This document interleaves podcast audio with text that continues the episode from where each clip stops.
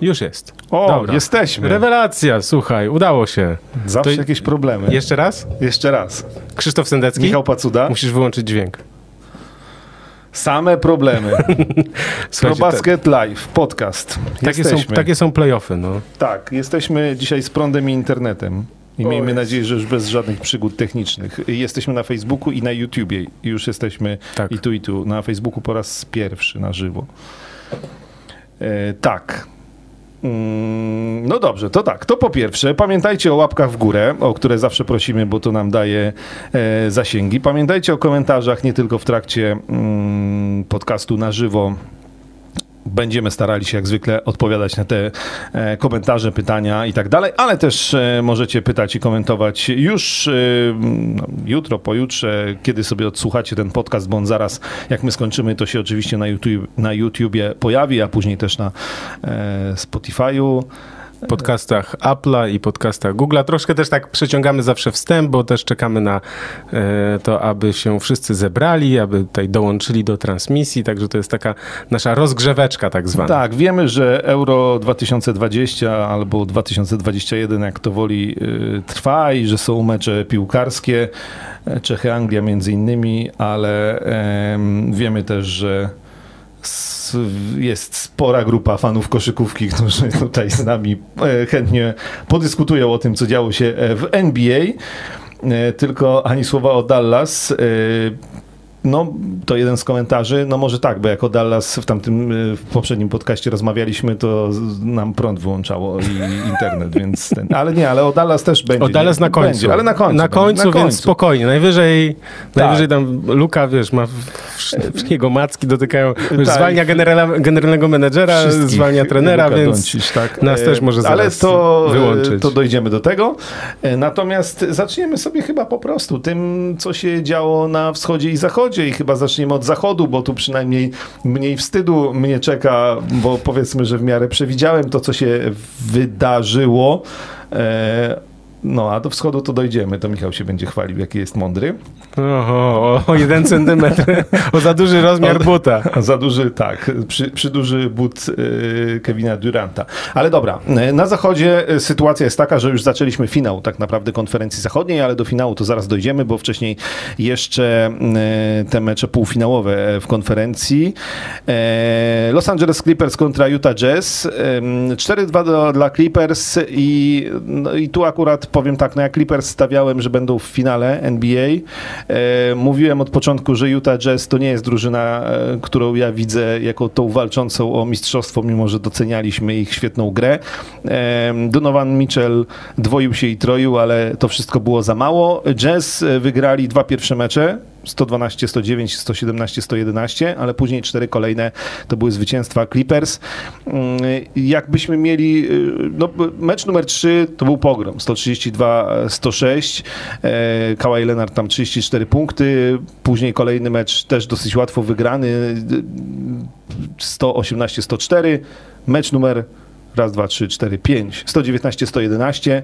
No i ostatnie starcie 131, 100, 119, więc te cztery mecze z rzędu tak naprawdę e, dosyć spokojnie wygrane jak na rywalizację na tym poziomie playoffów. W Utah Jazz mam wrażenie, że brakowało jednak bardzo w trakcie tej e, rywalizacji Mike'a Conleya. Natomiast e, w pewnym momencie Clippers stracili Kawaja Leonarda.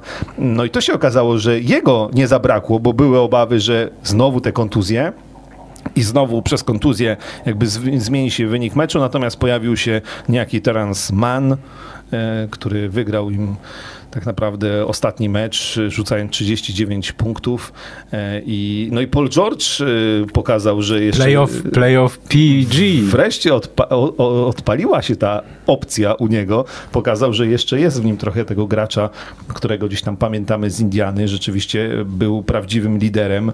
E, Dobrze bronił, jak to on, ale też był skuteczny w ataku, co ważne. Kawhi Leonard leczy kontuzję kolana i nie wiadomo kiedy wróci. Tak, to jest, to tylko trzeba uściślić, ponieważ on ma uszkodzone więzadło, ale ponieważ jak zawsze z Kawhi Le- Leonardem jest wszystko owiane jest tajemnicą, nikt nic nie wie, nie ma oficjalnego, oficjalnej informacji, jak poważna jest ta kontuzja. Nie wiadomo, czy to jest tylko skręcenie kolana, czy to jest naderwane więzadło, bo wiesz, z naderwanym więzadłem można żyć, ale jeśli tam jest naderwanie, to ciężko grać w basket na takim poziomie. I to się może skończyć równie dobrze operacją, yy, bo nie trzeba zerwać więzadła, żeby był obowiązek poddania się operacji, nazwijmy to, tak, dla, dalszego, dla dalszej kariery. Więc tu jest trochę niewiadoma. Podobno Adrian Wojnarowski do, donosi, że podobno Clippers są optymistyczni i że Kawhi Leonard ma jednak wrócić w pewnym momencie, że ten uraz nie jest aż tak poważny. Natomiast jak jest naprawdę, to tego to znaczy to tylko wiedzą w Clippers chyba i na razie to trzymają w tajemnicy. Trochę mi to przypomina sytuację z San Antonio, gdzie długo nie było wiadomo, chociaż tam też dochodziło też, że chyba nie do końca zadowolony Kawhi Leonard był ze wszystkiego. W każdym razie ciężko się czegokolwiek dowiedzieć.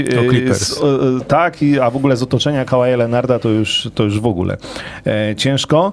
Jedna rzecz, no jak jesteśmy tu już przy, przy kontuzjach, czy Mike'a Conleya, czy Kawhi Leonarda. Conley chyba w ostatnim meczu zagrał, on, Tak, to... on wrócił, wrócił, ale, no, ale na mizernej skuteczności, więc, no, że tak powiem, taki powrót trochę wymuszony, jak myślę też Jamesa Hardena, do którego też dojdziemy, e, ale muszę się zgodzić z LeBronem Jamesem, bo, bo LeBron James oczywiście rozgoryczony po pewnie też po porażce, po odpadnięciu, ale wylał trochę swoich żali, powiedział, że on przecież ostrzegał przed sezonem, że tak szybkie wrócenie do gry bez normalnego okresu przygotowawczego to się tak skończy. No, fakt faktem mamy najwięcej kontuzji w playoffach w historii e, tych zawodników, powiedzmy powiedzmy z poziomu All-Star, bo tak naprawdę niewiele jest drużyn, teraz myślę, która, która przebrnęła całkowicie bez kontuzji mm, playoffy. E, ciężko taką znaleźć, e, no bo chyba wszyscy jakieś tam mniejsze albo większe straty no mają. No tak, to, to, jest, to jest pytanie po prostu o skalę straty tak, tak naprawdę. Tak, I, i tak naprawdę no, trochę wracamy do tego stwierdzenia, że mistrzostwo wygra drużyna nie najlepsza, a najzdrowsza. No to oczywiście zawsze kontuzje są wpisane e, w NBA, w każdy sport są wpisane, natomiast w tym sezonie to jest bardzo, bardzo widoczne.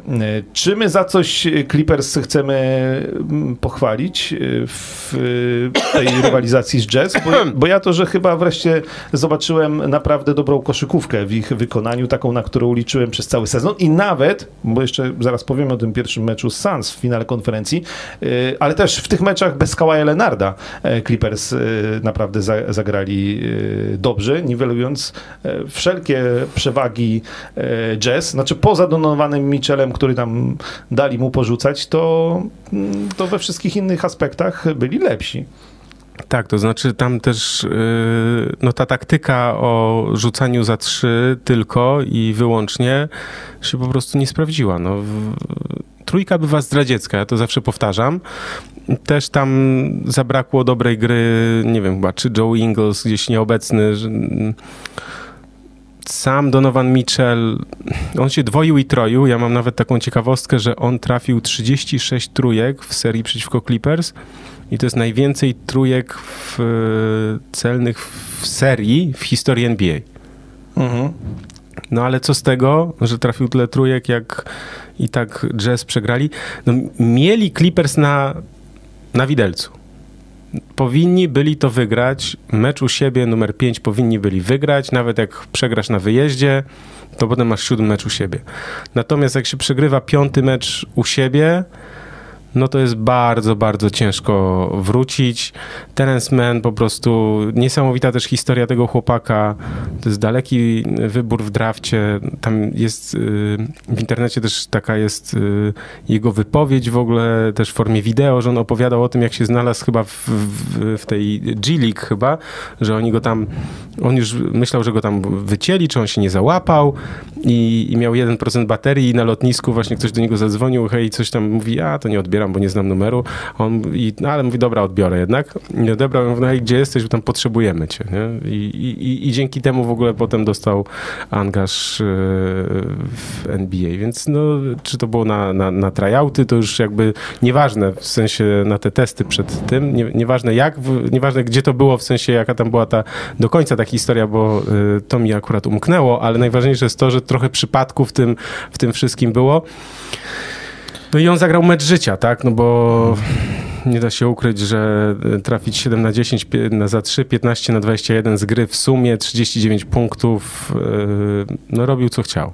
No tak, no i tak na przykład jak popatrzymy na ten e, ostatni mecz, e, no niby, e, wiesz, w Utah Jazz niby w miarę wszystko działał, znaczy na przykład Bogdanowicz mnie rozczarował ogólnie w tej serii, no ale powiedzmy no, też Rudy Gobert jakby... Wiesz, on był trochę też taki, nie wiadomo było co z nim zrobić, bo Clippers nastawili się na rzucanie za trzy, nie mieli gościa do walki tam jeden na jeden z nim, dużo rzucali też z pół dystansu, znaczy gdzieś tam Paul George próbował różnych rozwiązań, tak, ale że no, nie wbijali się aż tak bardzo, aż tak często pod kosz, jakby można było tego się spodziewać.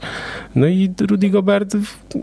No tak, Mike Conley tu, żeby już uściślić, bo tego dokładnie nie pamiętałem, 1 na 8 z gry po tym powrocie w tym ostatnim meczu, no mm -hmm. więc to daleko od swojej optymalnej dyspozycji, czy asysty do Wiesz tego ja, tylko... ja się muszę ubrać, bo mi klimat niestety... Tak. Musimy ją zostawić, bo inaczej się ugotujemy, ale, ale ja się boję, się że, mnie troszkę, że mnie troszkę podwiewa. Tak, no i schowani ci zawodnicy, no oprócz Clarksona, oczywiście najlepszego rezerwowego, no to i Joe Ingles właśnie, jak mówiłeś, e, Derek Favors, no to, to są zawodnicy, których, którzy trochę e, zawiedli no, to, ta zespołowość była siłą e, Utah Jazz, tego wszystkiego zabrakło. Za dużo I, grali indywidualnie. Wiesz, te, te, trójki, jak popatrzysz na statystyki na przykład z ostatniego meczu, no to wiesz, 47%, nie? 21 celnych na 44, więc całkiem nieźle. Natomiast no, Clippers e, w ostatnim meczu rzucali na ponad 50%. E, I... Tak, i tu są właśnie, te, że też nie można do końca wierzyć statystykom, bo na przykład w zbiórkach, o, 43 mieli, ja 16 w ataku mieli Utah Jazz, a Clippers tylko 33. No ale wiesz, jak się trafia, to nie ma z czego zbierać. No. Tak, no i jak popatrzysz, no też y, Reggie Jackson przecież y, w ogóle świetny, ale to już jego chwaliliśmy też za wcześniejsze mecze, więc tutaj naprawdę y, Clippers pokazali, że mają solidny zespół, nawet bez Kawaja Leonarda, więc czekam, co tu się będzie działo w finale.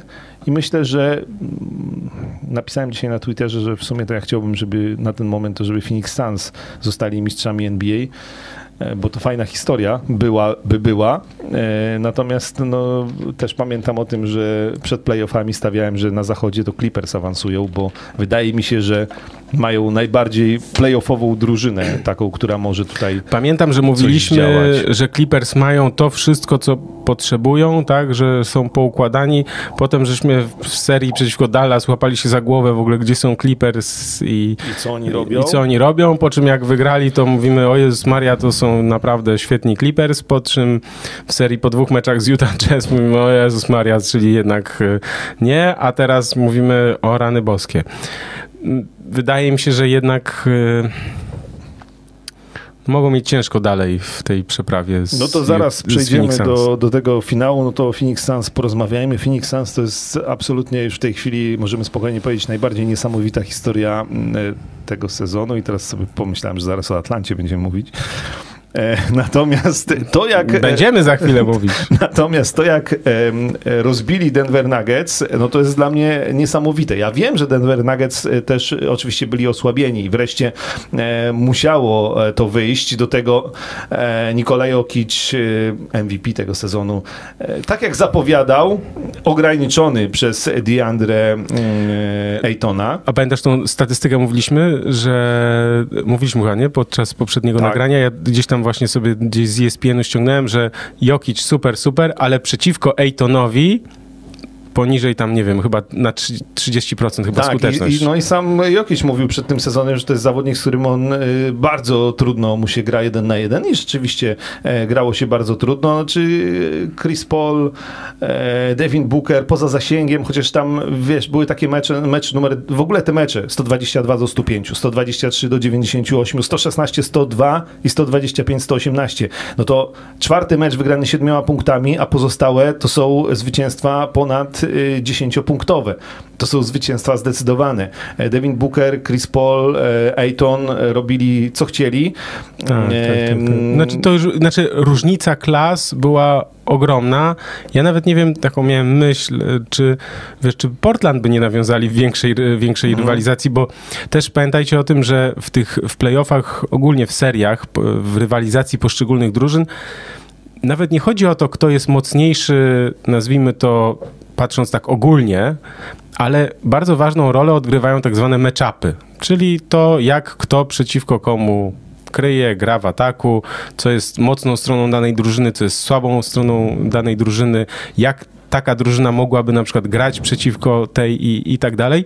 I tak sobie myślałem, że może Portland nawiązaliby większą rywalizację, że, że Phoenix Suns mogliby im, jak to się mówi, bardziej leżeć, le, łatwiej by im się grało, ale to i tak by się skończyło zwycięstwem Phoenix, no bo rzeczywiście Suns jak na razie w tym sezonie, w, tym, w tych playoffach są w gazie ogromnym i, i tam, no nie tylko Booker, tak, że, że jest Czy i Bridges Mi się i... to podobało. Tak. Co, ja na przykład mecz numer dwa e, oglądałem e, w całości. To było niesamowite, że Devin Booker e, był najlepszym strzelcem drużyny i miał zale, no zaledwie 18 punktów na koncie. Natomiast właściwie tam, e, jak dobrze pamiętam, to cała piątka pierwsza miała powyżej 10. Jeszcze sobie tu e, box scora na szybko otworzę, żeby nie mówić wszystkiego z pamięci, ale e, to było tak, że no tak, e, Bridges 16 punktów, e, Crowder 11, Ayton 15, Booker najskuteczniejszy 18, Chris Paul 17 i do tego ławka rezerwowych. W playoffach, gdzie wiele drużyn zawęża rotację, gdzie czasami już mamy mecze, gdzie z ławki rezerwowych nie ma w ogóle punktów albo są jakieś 2-4, e, a, a, a Phoenix Suns cały czas grają swoje, cały czas to jest rotacja na, e, wiesz, 10 zawodników e, i e, cały czas są ludzie, no w stylu Camerona Payna, Mów, ja już no, mówiłem, szczur szczurzyński tak zwany, to się tak mówi w żargonie. Gość jest szczupły, niesamowicie szybki i po prostu yy, jest takim zawodnikiem, który uprzykrza grę innym zawodnikom, zarówno w ataku, jak i w obronie. Więc Tak, no i wiesz, i ta ławka rezerwowych y, szeroka, może y, jakbyśmy powiedzieli, nie ma tam jakichś y, wielkich nazwisk, natomiast oni robią swoje e, i wiesz, w czwartym meczu mm, półfinału konferencji, e, jak liderzy grają po tam 30 minut, no to popatrzmy sobie na inne drużyny, e, gdzie e, co niektórzy to muszą po 40 e, zapierdzielać. Albo bo, 48. No albo 48, bo, e, bo z tej ławki rezerwowych nie ma żadnego pożytku. Więc pod tym względem e, Phoenix Suns naprawdę wciąż grają swoją koszykówkę. James Jones, pamiętamy go e, jako człowiek, który u boku LeBrona Jamesa zdobył trzy tytuły i grał razem z LeBronem w siedmiu finałach z rzędu w Miami i w Cleveland. E, został menedżerem Phoenix Suns, już teraz nagrodzony nagrodą dla najlepszego menedżera sezonu i zasłużenie, e, no bo, że tak powiem, to wejście e, w koszykówkę w garniturze i z, w roli działacza ma niesamowite. To był świetny strzelec za trzy punkty, taki zadaniowiec, e, ale wygrał, czekaj, wygrał konkurs rzutów za trzy kiedyś przecież. e, Z, To ja nawet tego nie pamiętam. tak, tak, tak, tak, tak. tak było? E, Tak. z- Musiałem przespać ten mecz gwiazd akurat. Nie na bank wygrał James Jones y, ten konkurs rzutów za trzy punkty. E, No wiem, że zadaniowiec, ale człowiek, który razem z Lebronem y, sięgnął po trzy tytuły. Poczekaj, poczekaj. Sprawdźmy to. Jesteśmy na żywo, to sobie możemy sprawdzić, bo tak normalnie to by się to wycięło. To się wytnie. I byśmy mądrzy powiedzieli, y, trzy razy mistrz NBA. Oczywiście w 2010-11, w 11 roku y, zwycięstwo w konkursie rzutów za trzy punkty. E, Nieważne. W każdym razie człowiek, który zrobił porządek Phoenix Suns, chyba mówiliśmy, jak, jak mówiliśmy o najgorszych organizacjach e, w NBA, e, to Phoenix Suns było taką drużyną, która tam ciągle był bałagan. Tam nawet za czasów, y, jak grał Marcin Gortat, to on też to potwierdzał, że to nigdy tam nie, nie dało się y, normalnych, e, że tak powiem, uporządkować tego wszystkiego. Ten 93 mityczny rok z Charlesem Barkleyem i finał NBA przegrany z Chicago coraz bardziej odchodził w przeszłość, a Phoenix Suns zawsze, zawsze mieli problemy. Natomiast przyszedł James Jones, były koszykarz e, i e, no i oczywiście, nie wiem, zobaczymy, bo to są na razie Słuchaj, początki. To jest też ale... tak, żebyśmy troszkę nie popadali w taki, wiesz, y, super zachwyt, że to on to wszystko jakby poukładał i poskładał. No, miał ale trochę, miał trochę Bookerowi drużynę i argumenty i atrybuty do tego, żeby walczyć. No tak, no potrzebny był Monty Williams jako trener, to jest jakby numer potrzebny jeden. był Ayton, bo jego wybór w drafcie to też budził spore kontrowersje. Ja pamiętam, że rok temu jeszcze to ten chłopak w ogóle nie bronił. Tak. I, Mówili, Mówiło się o nim, że to jest gość, który w ogóle nie biega do ataku, wo, znaczy do obrony nie wraca. I, że on jest tylko pod atakowaną tak, tablicą przydatny. Tak, i on był też taki, no nazwijmy to e, potocznie, klockowaty, czyli taki duży, ciężki, Natomiast to w on... ogóle dla mnie to wygląda jak miał 53 lata. Tak nie, no, no, tak, no bo tak akurat ma taką fizjonomię, urodę, urodę taką, ale, ale wiesz, ale on jest, on jest teraz szczupły, wyżyłowany, kurczę, naprawdę kawał chłopa. Myślę, no że tam... i broni. No I, I broni. broni. Co widzieliśmy przeciwko Jokiczowi. Wow. No to jest w ogóle Tak, mega. ale też podkreślmy jedną rzecz, że Devin Booker pukał do, tych, do tego topu i pukał. Pamiętasz, on przecież 71 rzucił z Celtics, to było nie wiem, 2 czy 3 lata temu, przecież to było dawno temu. I było takie pytanie, w ogóle ogólnie zasadnicze, ludzie się zastanawiali, czy Devin Booker wejdzie na ten najwyższy szczyt, czy do tego topu zawodników dołączy, czy to będzie taki zawodnik, który będzie tylko no, od nabijania statystyk w słabych drużynach. Ja widziałem w nim potencjał ale oczywiście nie wiedziałem, że będzie, wiesz, aż tak dobry już tak szybko, no. No ale jemu też była potrzebna drużyna. Też był ten y, w ogóle y, ściągnięcie I Chris, Chrisa Pola. Tak, to było, słuchaj, to było zagranie all in. To był, to był hazard naprawdę duży, ale wiecie, to jest też tak, że w NBA no, trzeba podejmować takie decyzje, które są często ryzykowne, bo równie dobrze mogło się skończyć tak, że Chris Paul by się połamał w trakcie sezonu, bo przecież ciągle mówi się o tym, że on jest człowiek kontuzja często i tak dalej, że gdzieś go zawodzi, że go brakuje w najważniejszych meczach i tak dalej. Natomiast udało się uniknąć tego w trakcie sezonu, zaraz o nim powiemy, co tam się z nim dzieje teraz. Yy, I on tę drużynę, nazwijmy to, że przygotował mentalnie, czyli ten leadership, czyli po prostu lider w szatni. Yy, naprawdę, to wszyscy wiedzą yy, i czasem myślę, że też, że kibice też czasem nie doceniają roli, jaką ci doświadczeni zawodnicy odgrywają w szatni.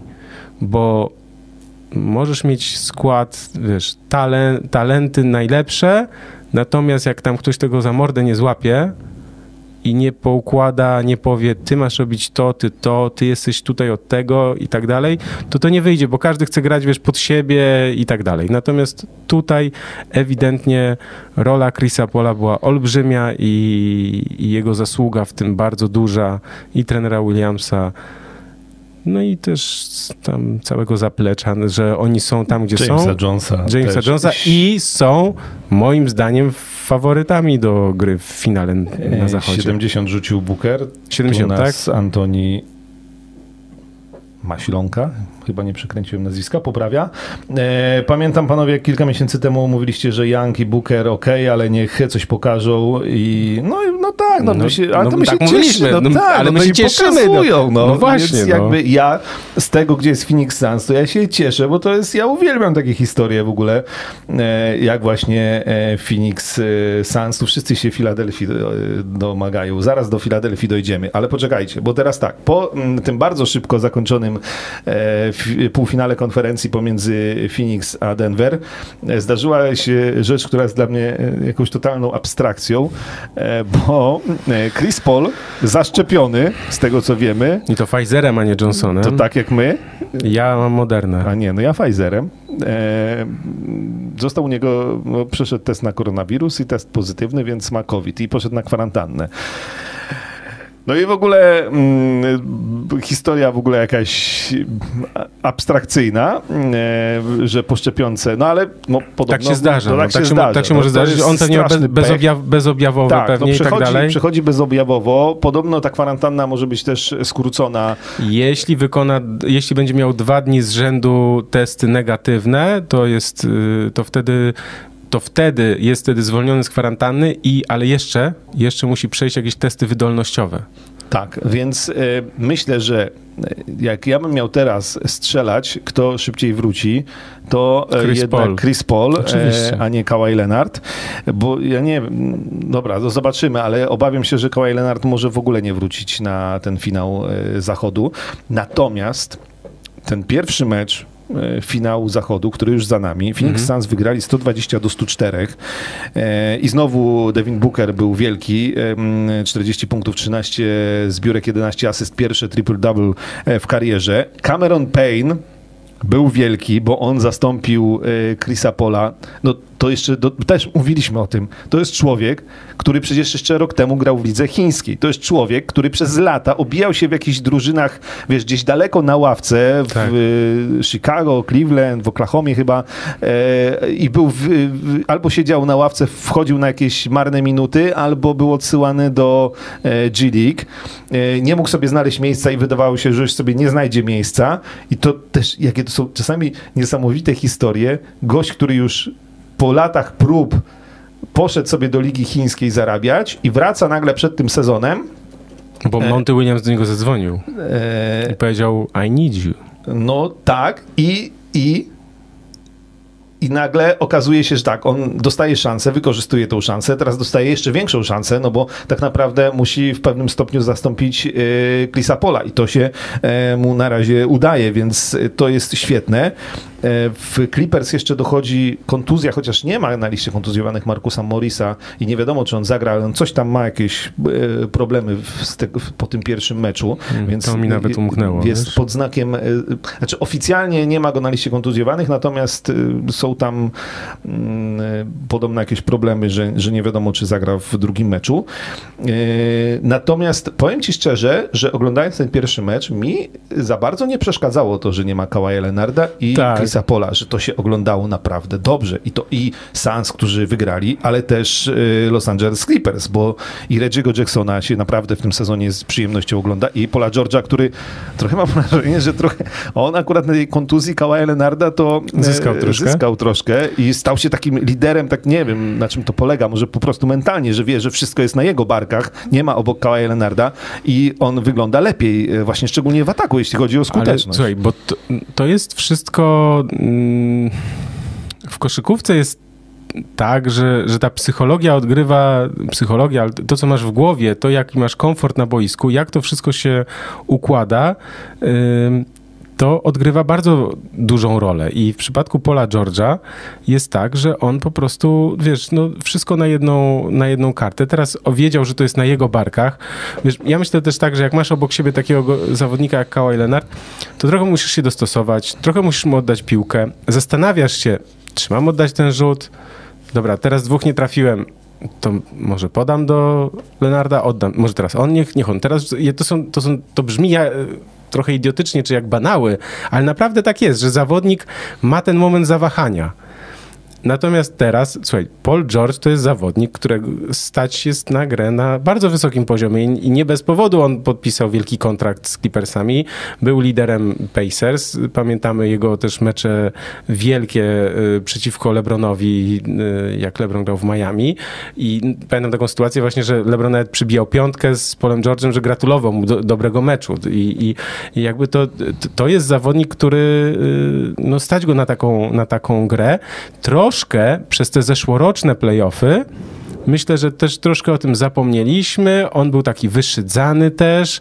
Miał w pewnym momencie w sezonie chyba marzec bardzo dobry, potem w kwietniu trochę gorzej, ale wszyscy mówili, no dobra, to niech pokaże w playoffach, bo w zeszłym roku zawiódł strasznie i tak dalej, i tak dalej. No ale każdy rok, każde playoff to jest inna historia. I on potem, on zresztą mówił, że w bańce źle się czuł, w sensie psychicznym, że zdołowany i tak dalej. I ja to jestem w stanie zrozumieć, że te okoliczności, przecież sami byliśmy, nie byliśmy w bańce zamknięci, tak, bez rodzin, a mimo wszystko też żeśmy mieli w głowach takie, kurczę, co to będzie i co tu się dzieje w ogóle, czy to już koniec w ogóle tej historii całego ludzkości, może nawet tak, wiesz, że, że co, tu, co tu dalej będzie i tak dalej. I więc jakby to, to wszystko wpływa też na zawodników, na każdego inaczej, bo każdy ma jakąś inną naturę, inne doświadczenia i inną psychikę. Natomiast no, Paul George tutaj pokazuje się z znakomitej strony i myślę, że no, nadal będzie liderem tej drużyny, ale myślę, że Suns mają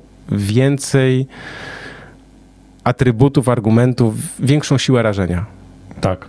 Bo, bo, bo pamiętajmy o tym, że, że Clippers no, wygrali z Jazz na przykład właśnie dzięki, no, mecz życia zagrał Terence Mann, ale no, że że w perspektywie, dlatego się gra do czterech zwycięstw, tak, żeby jeden mecz życia nie decydował, tak, dopiero jak jest powiedzmy na przykład, nie wiem, szósty czy siódmy mecz, no to wtedy, wtedy jest inaczej, yy, ale po to się gra więcej tych meczów, żeby właśnie gdzieś przypadek nie sprawił, że, że, że, że lepsi odpadają, yy, no i w tej rywalizacji do czterech zwycięstw yy, moim zdaniem Phoenix Suns. E, ja stawiałem na Clippers przed finałami i teraz mogę powiedzieć, że będę zadowolony bez względu na... Mm, Ale tu był taki komentarz, nie bądź niewolnikiem swoich typów. Tak, tak, tak, tak. E, wiesz co, będę zadowolony bez względu na to, co się tak naprawdę wydarzy, bo, bo, na, bo podobają mi się i Clippers, i Suns i tak naprawdę czy jedna, czy druga drużyna awansuje, to będzie fajnie. Suns to naprawdę by była świetna historia, gdyby oni e, po tych latach upokorzeń e, zagrali w finale NBA, powalczyli o mistrzostwo i w ogóle ta historia z Chrisem Polem.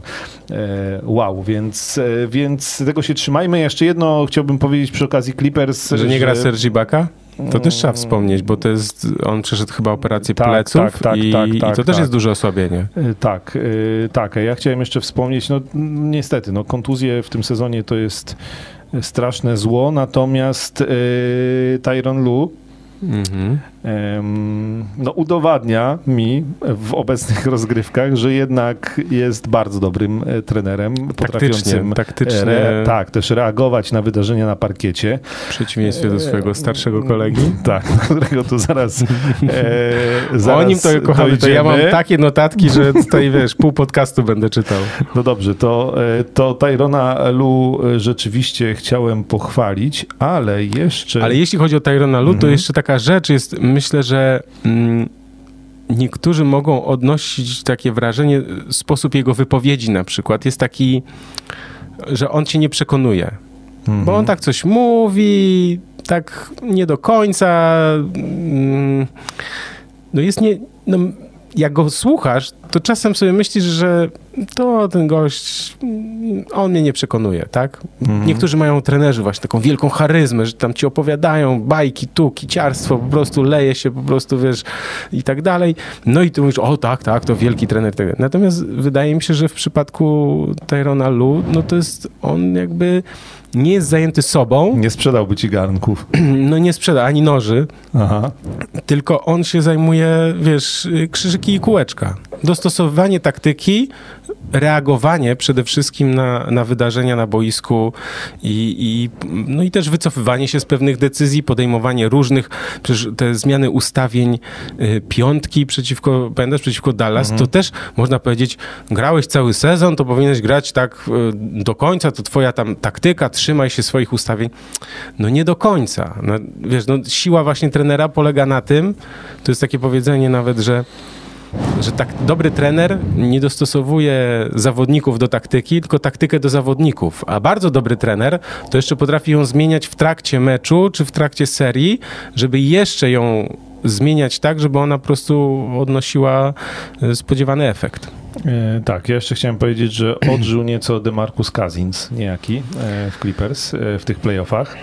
E, to on, Znakomicie. on i Nikola Batum to jest jeszcze trochę za mało na Aitona, ale, ale, ale już tam parę, wiesz, przebłysków y, człowieka, który jeszcze niedawno był All-Starem e, było. Obawiam się, że to na fi- obecnych Phoenix Suns może nie wystarczyć. Nie, no to nie wystarczy. Czyli d- myślę, że tu jednak kluczowe będzie mm, to, czy wróci Kawhi Leonard, bo bez niego mam wrażenie, że Clippers sobie jednak nie poradzą. Z nim być może, bo jednak doceniam, że Kawhi Leonard jest gościem, który potrafi niemal w pojedynkę wygrywać mecze, a też właśnie playoffy tym różnią się od sezonu zasadniczego, że wielu nie wiem jak to jest, bo koszykówka, sport zespołowy, a, a później masz playoffy i okej, jest dużo różnych zagadnień taktycznych, ale, ale jak masz takich gości jak Kawhi Leonard, albo może teraz jak Devin Booker, albo jak Trey Young, e, to wygrywasz, a jak ich nie masz, no to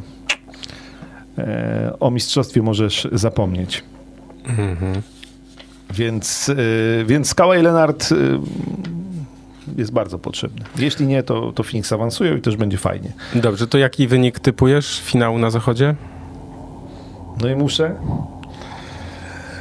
Dobra, ja bym postawił, ja bym postawił na Phoenix, no 4-2 już tam bez... y, ja myślę, że nie, nie wróci Kawhi Leonard, a ewentualnie wróci na jakiś szósty mecz y, i... No to wiesz, też jak jesteś tydzień czy dwa tygodnie tak, bez i grania, to się skończy kolanem. 4-2 dla Phoenix Suns i tak, no. Też myślę, że znaczy, w momencie zadawania ci tego pytania też myślałem o y, najbardziej powszechnym, najbardziej popularnym wyniku, czyli 4-2. Dobrze, popularny wynik 4-2. Takiego popularnego wyniku nie mieliśmy na wschodzie, bo mieliśmy mm, mniej popularne, za to bardzo fajny dla kibiców 4-3 i to dwa razy. No, Atlanta, Filadelfia? tak jest. Atlanta, Filadelfia. Dobrze, to najpierw. E, Ja zacznę liczby. tylko, to, nie, No, to, to, no to, to- ja tylko zacznę od tego, Mhm. że Philadelphia 76ers, jak wiele osób powiedziało, miało czerwony dywan do finału Tak zwaną popularną autostradę. autostradę y, do nieba, czyli do finału konferencji i hasło było takie, jeśli oni nie awansują do finału konferencji mając no, ósmą drużynę oraz czwartą i piątą, to to będzie totalna porażka. Przepraszam. Aż się zakrztusiłem, widzisz z tego wszystkiego? Przez gardło nie może przejść. No. Ja tyle, a teraz pan. E, No i teraz ja jestem załamany Filadelfią. Ja jestem załamany, bo ja doceniam i o tym też zaraz powiemy, e, znakomicie grającą Atlantę, Atlantę i trenera Nate'a McMillana, znowu wątek trenera, bo on tu będzie ważny, który e, potrafił wykorzystać każdą, absolutnie każdą słabość e, Filadelfii. To jak na przykład atak był nastawiony na Seta Kerego, który okej, rzucał trójki, ale w obronie jest najsłabszym ogniwem Filadelfii. No i dlaczego w drugą stronę Doc Rivers nie mógł e, tak męczyć e, Treya Younga czy mm, Lou Williamsa? E, to były tylko jakieś momenty. Ja nie, wiesz co, mam wrażenie, niestety, ja cały czas lubię Doca Riversa, naprawdę. To E, zaraz do tego dojdziemy. Zaraz do tego dojdziemy, ale mam wrażenie, że e, znowu niestety w tej serii to było tak, że on powiedział, dobra, przecież wygramy, to samo się wygra, Tak, nie? tak. I surprise, surprise, Atlanta się nie położyła na To parkiecie, nie? chciałeś zacytować Smudę. No właśnie, no więc e, nie wygrało się samo. I, I teraz uważaj, bo dobra, liczby. 4-3. E, 128-124 pierwszy mecz wygrała e, Atlanta. Później dwa mecze wygrane przez Filadelfię wysoko, 118-102, 127-111. Wydawało się, że wszystko wróciło na dobre tory i że Filadelfia spokojnie wygra i ja byłem wtedy przekonany, że to się skończy tak 4-1, 4-2 dla 76ers. Mhm. Po czym przy- przychodzą dwa kluczowe mecze tej serii. Dwa mecze, w których Filadelfia wysoko prowadzi i jak to mówią, nie ma takiej przewagi, której drużyna do Riversa nie mogłaby roztrwonić. I oni przegrywają w jakiś przedziwny sposób. Oczywiście tam dochodzi jeszcze kolano Embida, że on w tym meczu numer 4 po przerwie w ogóle nie rzuca żadnego punktu. Da- Ale to w ogóle i tak jest niewytłumaczalne, bo oni przegrywają te mecze minimalnie, ale dając się dogonić, no przecież w tym meczu numer, bo to jest 103 do 100 i 109 do 106, w tym meczu numer 5 pod koniec trzeciej kwarty 20, Filadelfia 26. prowadziła 83-58. No przecież nie można przegrywać w playoffach takich meczów. Czwarta kwarta przegrana 19 do 40, gdzie w pierwszej połowie robisz co chcesz, wy, wiesz, ogrywasz y, tą biedną Atlantę jak chcesz, Totalna a masakra. później co się w ogóle dzieje, nie? No i Mecz numer 4. Roztrwoniona przewaga 18-punktowa. Mecz numer 5. Roztrwoniona przewaga 26 punktów przewagi. Natomiast y, w meczu numer 7 e, lider drużyny przeciwnej ma z gry, uważaj, 5 na 23. No, no, y, wspaniale, pięknie.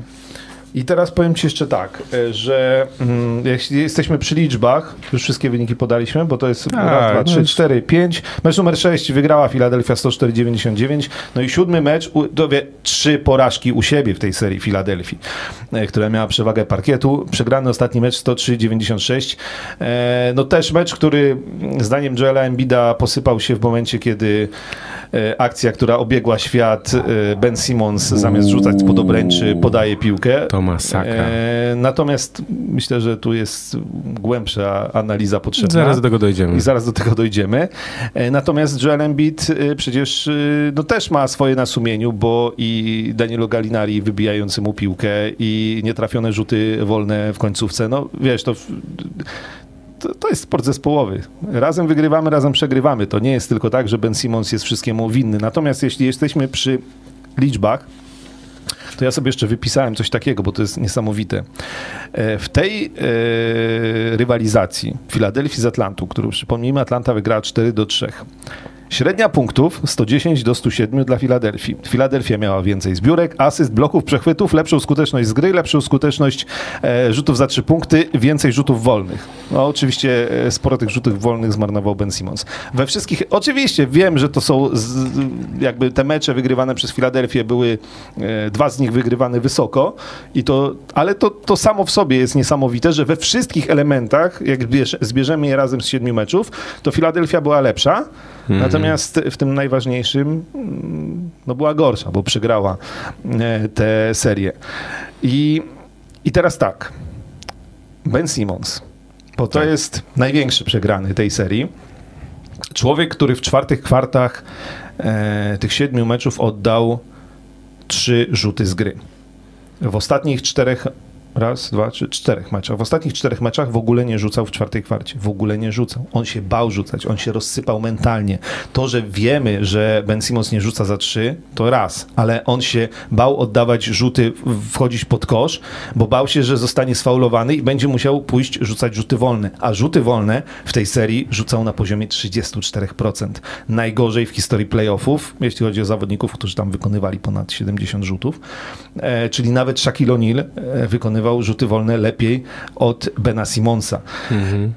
Jak ja albo ty weszlibyśmy na boisko, jest szansa, że trafialibyśmy te rzuty wolne lepiej niż Ben Simmons. Ja, ja z takimi daleko idącymi y, tutaj nie Słuchaj, idę. no ja wiem, presja, 20 zmęczenie tysięcy, i 20 tak tysięcy ludzi Y, patrzy na tak, ciebie. ale Myślę, że nie no, dolocik Ty, no nie poleciał, możesz, będąc liderem drużyny, trafiać trzech czy czterech rzutów na 10 z linii rzutów wolnych. Nie możesz przez to e, bać się oddawać rzutów, bo cię ktoś sfauluje i będziesz musiał iść na linię rzutów wolnych.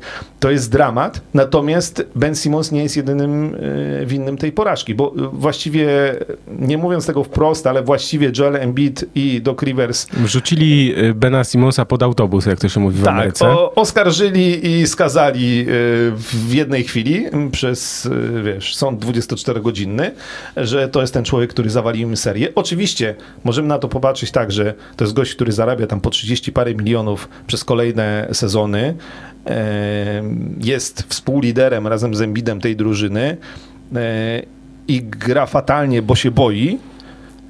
E, Natomiast z drugiej strony no przecież wiedzieliśmy, że Ben Simmons, wszyscy wiedzieli, Filadelfia wie, wiedziała, że Ben Simmons nie rzuca za trzy punkty. Znaczy te rzuty wolne to jest oddzielna historia, kompromitująca, natomiast to, że Ben Simmons nie rzuca za trzy punkty, to myśmy wiedzieli i to, że Ben Simmons, żeby grać dobrze, potrzebu- musi być obudowany strzelcami za trzy. On ma swoje świetne, on jest świetnym obrońcą, on świetnie spisuje się w ataku, e, szybkim ataku, e, w kontratakach, on świetnie podaje, e, natomiast e, musi mieć dookoła strzelców. Okazało się, że jak nie ma danego Greena, no to właściwie... Właśnie, no, nieobecność danego Greena, Właśnie, to tak. jest, wiesz, bardzo dużo zmieniło, bo tych strzelców zabrakło, bo był tylko set Kerry, no były takie mecze, że on z Embidem właściwie tylko punkty zdobywali. Tak. E, Korkmaz e, wrzucony do pierwszej piątki, że tak powiem, nie dźwignął tego niestety, bo on grał tam na poziomie 20%. E, I e, wiesz, mi, Atlanta miała na każdej pozycji odpowiedź, bo jak nawet y, brakowało oczywiście Huntera w drużynie Atlanty, ale to już wcześniej, mhm. y, nieco słabszy w tej serii był Bogdanowicz, no ale był Kevin Huerter, był Danilo Gallinari. Ty, jaki piękny jest Danilo Gallinari. To jest po prostu, to jest w ogóle... ale widzisz, on jest taki, on się tak rusza trochę takie... No ale to jest właśnie, no, to jest taki sam Danilo on wygląda jakby, i on jak mija, tam po, z trójki, jak zrobi zwód i mija do kosza, to on wygląda jakby się miał połamać za chwilę. No tak, no ale to jest... kończy wsadem albo w ogóle To jest dalej ten sam z, Danilo Gallinari, tylko że trafił w takie miejsce, do takiej drużyny, no wchodzi z ławki, on rzuca za trzy, on wchodzi, on wiesz, Atlanta robi ma przede wszystkim długą ławkę. No.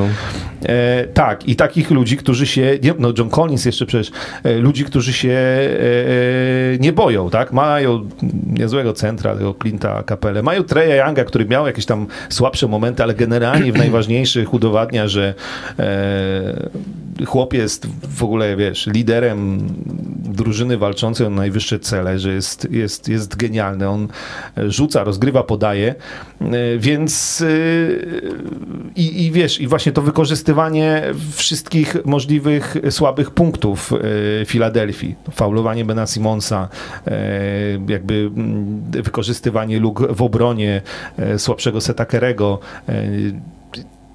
No i to wszystko przyniosło efekt. Jeszcze jedna ważna rzecz.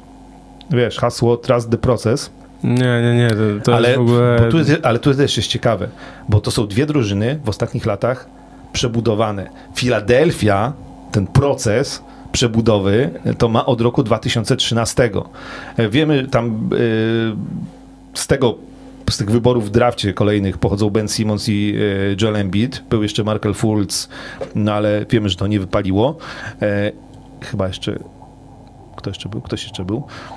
W każdym razie no, dwóch zostało z tych, Carter Williams. Z, tych, z tych ludzi wybieranych z, w drafcie po, po tankowaniu przez kilka sezonów.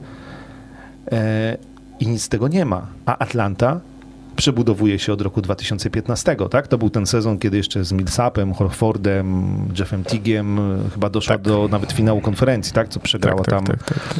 E, z Cleveland?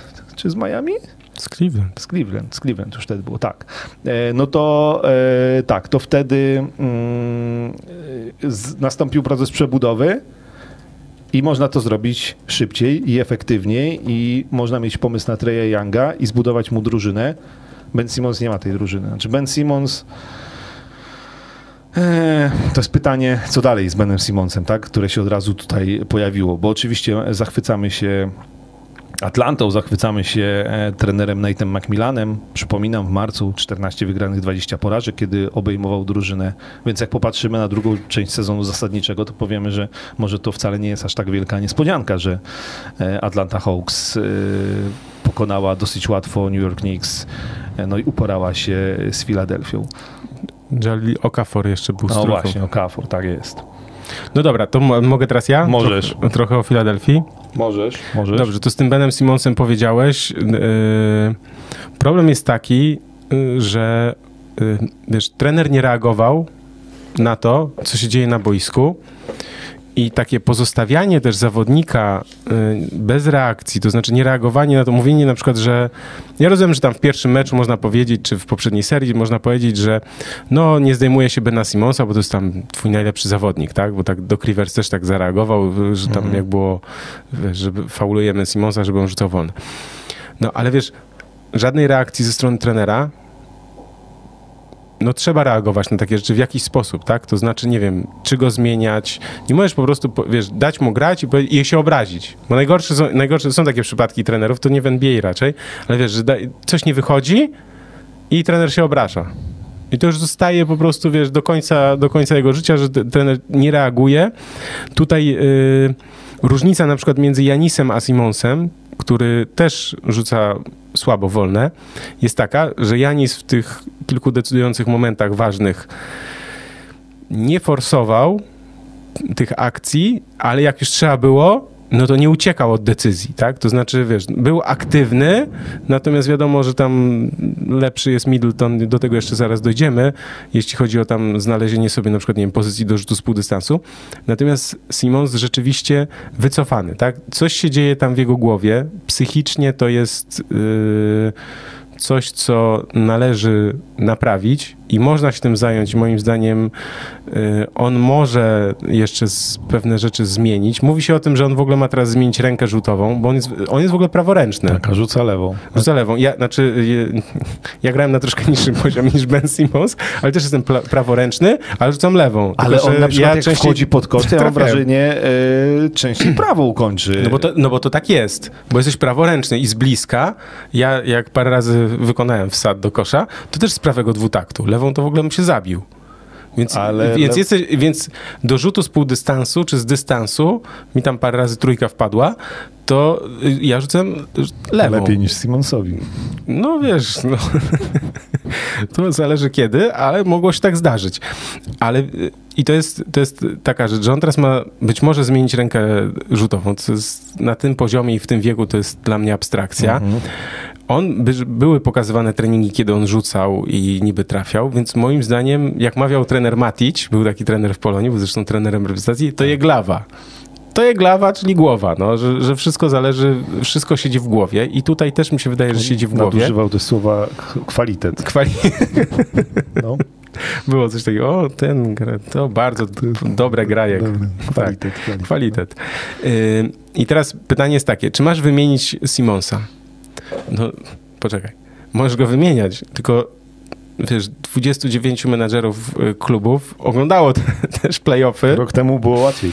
Rok temu, no tak, no, ale wiesz, nikt nie da teraz za wiele za Simonsa, to musi, musi troszkę opaść, że tak to ujmę, ta cała taka atmosfera, bo straszna nagonka y, powstała na niego, tak? I, i moim zdaniem też nieuprawniona, zaraz dojdę y, do tego momentu dlaczego, bo y, bo to jest nadal dobry gracz, który przecież w sezonie widzieliśmy jak grał, teraz mu nie wyszły te playoffy, Polowi George'owi też w zeszłym roku nie wyszły playoffy, a potem jednak coś się e, zmieniło, tak? Więc jakby tutaj bym był ostrożny.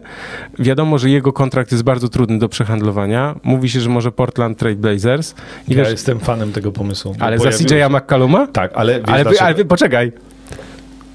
W Portland otwierają szampana idealne dla nich rozwiązanie. No tak. Lillarda masz od rzucania, Simonsa masz od podawania i obrony.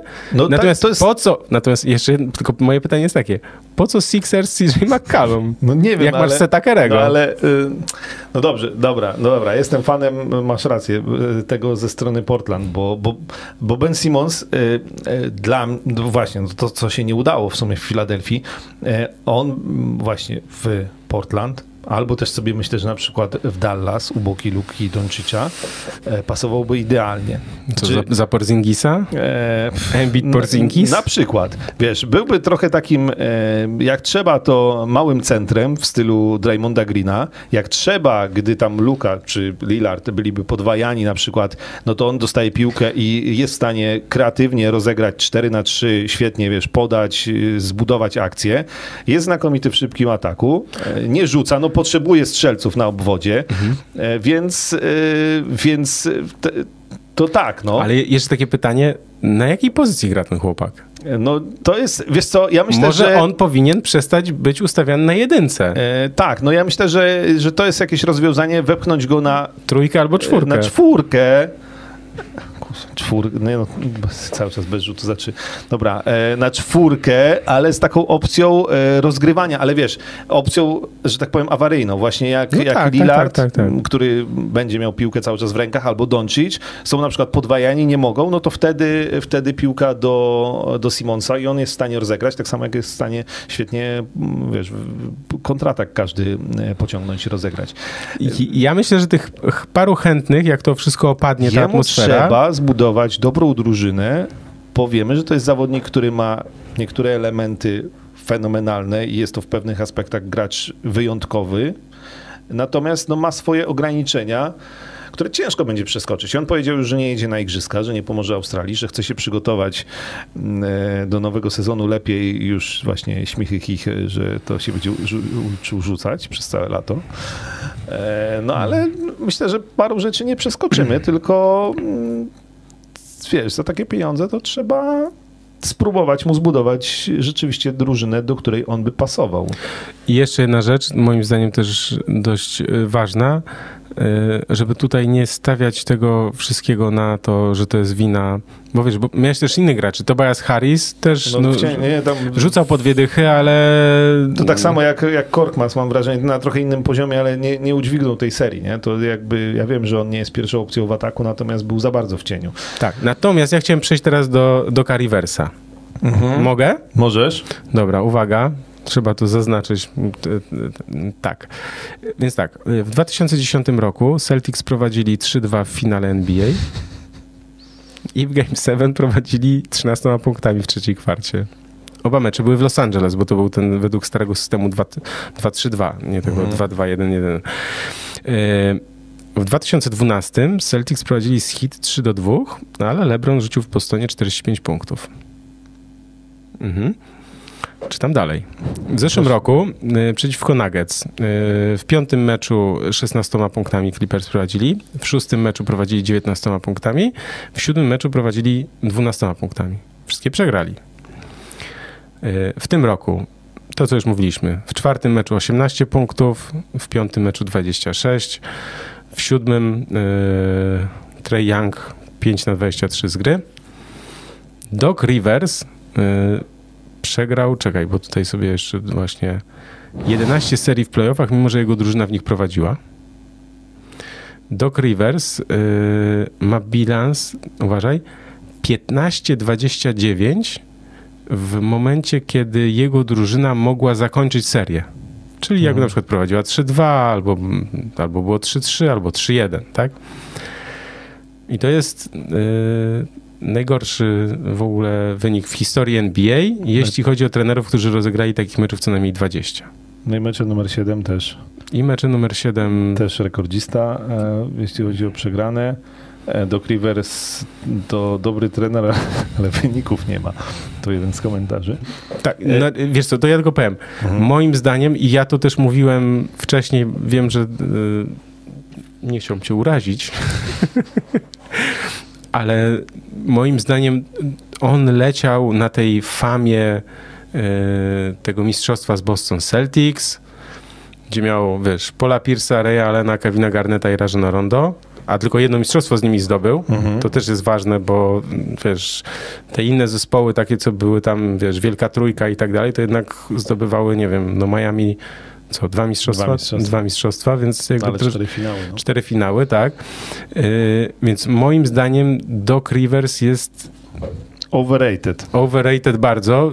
To znaczy on ma niesamowicie napompowane ego, potrafi cię po prostu... On by ci sprzedał noże. Stary, on by ci sprzedał noże, on by ci sprzedał... Y, twoje używany, twój uży, twoją używaną, wiesz, y, tą wycieraczkę spod drzwi. No, po prostu makaron na uszy nawija znakomicie, po prostu gadka, szmatka, yy, mnóstwo tam jest y, lania wody. Natomiast no, przychodzi czas weryfikacji i no i, i nagle się okazuje, że on nie reaguje na sytuację na boisku, Zresztą są te gify, czy tam te memy, gify z nim, w sensie takie, wiesz, że on ma tam, nie wiem, buzię rozdziawioną i nie wie o co chodzi, tak? I to nie jest tam, że jedna taka sytuacja, tylko tam jest mnóstwo tego, tak? Kiedy on po prostu, no nie wie co się dzieje, no, zaskoczyli nas. Wiesz, no to, to jest, znaczy, ja nie lubię też się pastwić nad, nad jakimiś osobami, w sensie, bo to jest tak łatwo, wiesz, tak mówić i tak dalej. Natomiast moim zdaniem nie można wszystkiego zwalać na Simonsa, bo jest trener i są też inni zawodnicy i trzeba reagować na sytuacje w meczach, a nie wiesz, myśleć, że no mam Rondo, Pierce'a i Garneta, to oni to ogarną. To, to, ale co, ile, jaka historia Clippers? Los Angeles Clippers z Chrisem Paulem, Blakeem Griffinem, DeAndre Jordanem jeszcze tam paroma JJ Redickiem chyba, tak? Mhm. Y, ta drużyna, ja wiem, że tam zawsze mieli jakiś problem, że kontuzje też im krzyżowały te No plany. ale pierwszy raz do finału konferencji weszli teraz. To jest pierwszy finał konferencji y, w historii Los Angeles Clippers, a w czasach, kiedy Doc Rivers prowadził tę drużynę z Chrisem Polem, Blake'em Griffinem, to się nigdy e, nie udało. E, Phil Jackson miał taką filozofię do pewnego momentu oczywiście w meczu, że pozwalał drużynie samej reagować, ale jak się ma Michaela Jordana i Scottiego Pippena, No on też te- miał wpływ na zespół, tak? Bo Wiesz, oczywiście, poczekaj, ja, ja, tak, tylko, ja jakby- tylko odpowiem na, bo to jest komentarz, że a co on miał zrobić, że w tej serii posadzić Simonsa na ławce i grać Miltonem. No, słuchajcie, moim zdaniem mógł reagować. Reagowanie nie chodzi na to, że siadaj na ławę i koniec, tak? Reagowanie polega na zmianie ustawień w obronie, zmianie yy, rozwiązań taktycznych w ataku. No są różne rozwiązania, żeby po prostu, y, który można, którymi można reagować, tak? To znaczy, to nie chodzi, reagowanie nie oznacza wzięcia czasu dla wzięcia czasu, tylko w, wzięcie czasu, yy, danie zawodnikom czas na jakieś takie ochłonięcie i tak dalej i mówi, słuchajcie, zagramy teraz to. Albo słuchaj, to nie wychodzi, spróbujmy tego w ten sposób, albo nie wiem, rozmowy indywidualne z tym Simonsem, w sensie chłopie, graj do kosza, czy coś, nie wiem, jakieś wspieranie go. No może to próbował i może to po prostu nie, yy, może to nie, nie, nie poskutkowało, natomiast mówienie w ten sposób, żeby znaczy on go na początku bronił, tak, bo gdzieś tam na początku gdzieś playoffów Tak, go bronił, tak, tak. a potem, potem to, się, to się w ten sposób skończyło. Yy, mi się też nie podoba jedna rzecz, którą Steven A. powiedział w, na ESPN-ie, że on ma taką tutaj, tam przeczytał SMS-a niby od kogoś. Dla Mhm. mnie to jest też takie właśnie yy, kiciarstwo, czyli taki no, dziennikarz populista yy, Steven A. w ESPN-ie, że on ma tutaj takie yy, tajne informacje z, z Filadelfii, że Ben Simmons to się nie da do niego dotrzeć, że on jest tam traktowany, ma tylko swoją rodzinę i jest jak dzidziuś. Że jest taki, wiesz, crybaby Mhm. i tak dalej, że jego tam y, pod kloszem chowają i tak dalej. No, nie chcę mi się wierzyć, żeby dwudziestoparoletni chłopak był tak y, był, był tak traktowany i, i miał y, no, miał taką osobowość, no bo jednak ten sezon pokazał i w ogóle wcześniejszy też, że ten potencjał tam jest i, i ten chłopak potrafi grać w kosza, więc coś się musiało stać, coś się zacięło. Nie wiemy też, nie wiemy też, bo może coś się wydarzyło w jego życiu takiego, co go po prostu zblokowało totalnie. Y, Bo wiesz, to jest trochę tak, że ja, znaczy sz- szkoda mi Simonsa w ogóle tak, ogólnie rzecz biorąc, bo, bo przynajmniej y, on się dał też zapędzić w też taką, w takiego, mm, no, że nie umiem rzucać.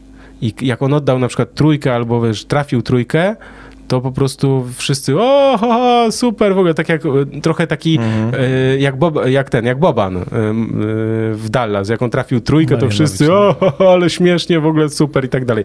I nagle, wiesz, z zawodnika, mm, no wiesz, no, ale to, już- to już było wcześniej. Pamiętasz, jak grali z Lakers i LeBron, le, krył go LeBron i po prostu się wycofywał, wiesz, na, pod sam kosz. Po prostu, znaczy to już było, to się mówi Nie to- disrespectful, to jest, ale wiesz, Ben Simmons powinien po prostu albo, Rzucać. słuchaj, Janis rzuca E, i ma to głęboko rzuca. No przecież to są takie pozycje, że czasami on Nie no, zostaje... ale Embiid to umie rzucać w miarę, No, no. no dobra, ale wiesz, to tak samo, wiesz, Janis czy Blake Griffin, to często są takie pozycje, gdzieś tam ta piłka idzie, idzie, on zostaje sam, ma dwie sekundy na zastanowienie się, no prawie jak na treningu e, i wiesz, no to nie są genialni strzelcy za trzy, ale jak on odda pięć rzutów i trafi dwa, no to już e, po kilku meczach ludzie przestaną e, mówić, że, że nie potrafi rzucać e, za trzy punkty, tak? Albo że nie rzuca za trzy punkty. Nie wiem, to może nie jest takie proste. No, Blake Griffin jest takim przykładem, ja też go nie lubiłem i długo mówiłem, że te jego rzuty za trzy to w ogóle pic na wodę, fotomontaż. Natomiast on uparcie tam rzuca te trójki, no i a kiedyś nie rzucał w ogóle, a takich przykładów jest więcej, więc Ben Simmons, ja myślę, ja też bym został przy tej lewej ręce, jednak mimo wszystko, bo zmienianie tego na prawą to jest, wydaje mi się, masakra, ale może się nie znam. Nie, to, to jest, znaczy to jest jakieś, nie, znaczy to jest nieporozumienie ale, chyba. ale po prostu ja bym szedł w tym kierunku, żeby próbować rzucać, no i... Wiesz co, znaczy rozwiązaniem dla niego jest to, żeby, żeby rzucać, yy, ale też nie tylko na treningu, ale też w meczach. I masz od tego sezon cały, żeby powiedzieć, słuchajcie, ja walę truję. Mhm. Tak, no. W sezonie zasadniczym tak. to nie boli aż tak bardzo jak Nie. w playoffach. Nie, nie, nie, nie. No tylko wiesz, jak wyjeżdżasz na rowerze, czyli masz na przykład, nie wiem, 0,8, no to to jest wiadomo, no, że to też działa na psychę, ale myślę, że inaczej. Ja bym nie traktował tej sytuacji tak zero-jedynkowo i wrzucał Simonsa pod autobus, bo to, że on grał tak jak grał, to widzieliśmy i nikt tego nie kwestionuje, tylko że też ma trenera i innych zawodników i można było bardziej reagować. Niestety historia Doka Riversa pokazuje też to, że on nie reaguje, nie zmienia, a najchętniej to znajdzie jakiegoś winnego, jak Paul George na przykład. E, Tu mieliśmy zderzenie z Nate'em Macmillanem, który właśnie reagował zmianami ustawienia, Stary, ustawianiem, ograny, e, e, obrony, ataku właśnie. Jak to, dziecko. To, wiesz, Jak dziecko. to... Rozpracowany, rozszyfrowany, w sensie te ustawienia, no po prostu, wiesz, poza tym też jest to, że Nate McMillan to jest coś takiego też, że jak trener w ciebie wierzy, to masz, jak to się mówi, plus 10 do zbroi. Czyli po prostu wiesz, że dasz z siebie wszystko, nawet jak ci nie wyjdzie, trudno. To jest basket, tak? Czasem nie wychodzi. Ale trener w ciebie wierzy, tak jak ten Trey Young i cała ta grupa, w sensie to, co powiedziałeś, Huerter czy, czy inni, tak? Oni po prostu mówią, stary, trener mówi takie proste rzeczy, tak? Dodatkowo oczywiście poza całą, mechan- całą tą skomplikowaną e, wiesz, taktyką obrony, o której pięć godzin by nam opowiadali i byś, wiesz, połowy rzeczy byśmy nie zrozumieli nawet, tak? O, o tak skomplikowanych rzeczach oni czasami rozmawiają, jeśli chodzi o ustawienia w poszczególnych sytuacjach. No ale to już zostawmy. Mm, Devin Booker jest Kendall Jenner i jeszcze jest w finałach konferencji. A Kendall Jenner, żeby nie bronić za bardzo, to już tak była chyba z Blake'iem Griffinem, coś pamiętam, tam jeszcze paru To widzę, że ty się- takie ploteczki... Te, e, ty, ale David TMZ. Booker to w ogóle mi imponuje, jaki on ma garaż. On, wiesz, zajeżdża tymi e, tam 50 czy 40 czy nie wiem, starszymi Cadillacami, bujkami odpicowanymi. E, że tak powiem, ciekawe hobby tego młodego chłopaka. no widzisz, no, tak to jest w tym wieku. Jak się ma tyle pieniędzy. Jak się ma tyle pieniędzy, nie ma się dzieci pewnie, można sobie fury kupować, kolekcjonować. Myślę, że on, jak, a nie wiem, czy ma Devin Booker dzieci, chyba jeszcze nie ma. Ale myślę, że jakby miał, to niewiele to zmienia. Nie, on gra po nocach w ten, w Counter Strike'a, więc, więc chyba nie ma, ale no nie wiem. No dobra, E, coś do... Podsumowując, Tak. lepiej raz rzucić nie do lota z, z linii rzutów wolnych jak Janis, niż zmarnować 47 rzutów wolnych e, w playoffach jak e, Ben Simmons. E, Ostatnia ciekawostka dzisiaj. Ben Simmons w tych playoffach nie trafił więcej rzutów wolnych niż Steve Nash w całej swojej karierze. Playoffach. Więc 47 do 44 tutaj jest taka. Taki stats. E, Dobrze. A, Milwaukee, Brooklyn jeszcze. No właśnie. Proszę. O, Michał. E, To tak, to ja się muszę przyznać, bo poprzednio było, jak się widzieliśmy, było 2-0 dla Brooklynu. Po dwóch e, walcach e, Nets przyjechało walcem po Milwaukee i ja byłem absolutnie pewien, e, że Brooklyn spokojnie mm, tę serię wygra. E, I muszę powiedzieć, że Tak. gdyby nie kontuzja Kariego Irvinga, wiesz, gdyby nie słupek, gdyby nie poprzeczka, byłaby rzecz wielka, ale gdyby nie kontuzja Kariego Irvinga, no I to, Jamesa Hardena. E, No, no to tak, to wcześniej, tak? E, bo nawet sam Kyrie Irving z Kevinem Durantem e, by tę serię do końca doprowadzili i Brooklyn Nets byliby w finale wschodu.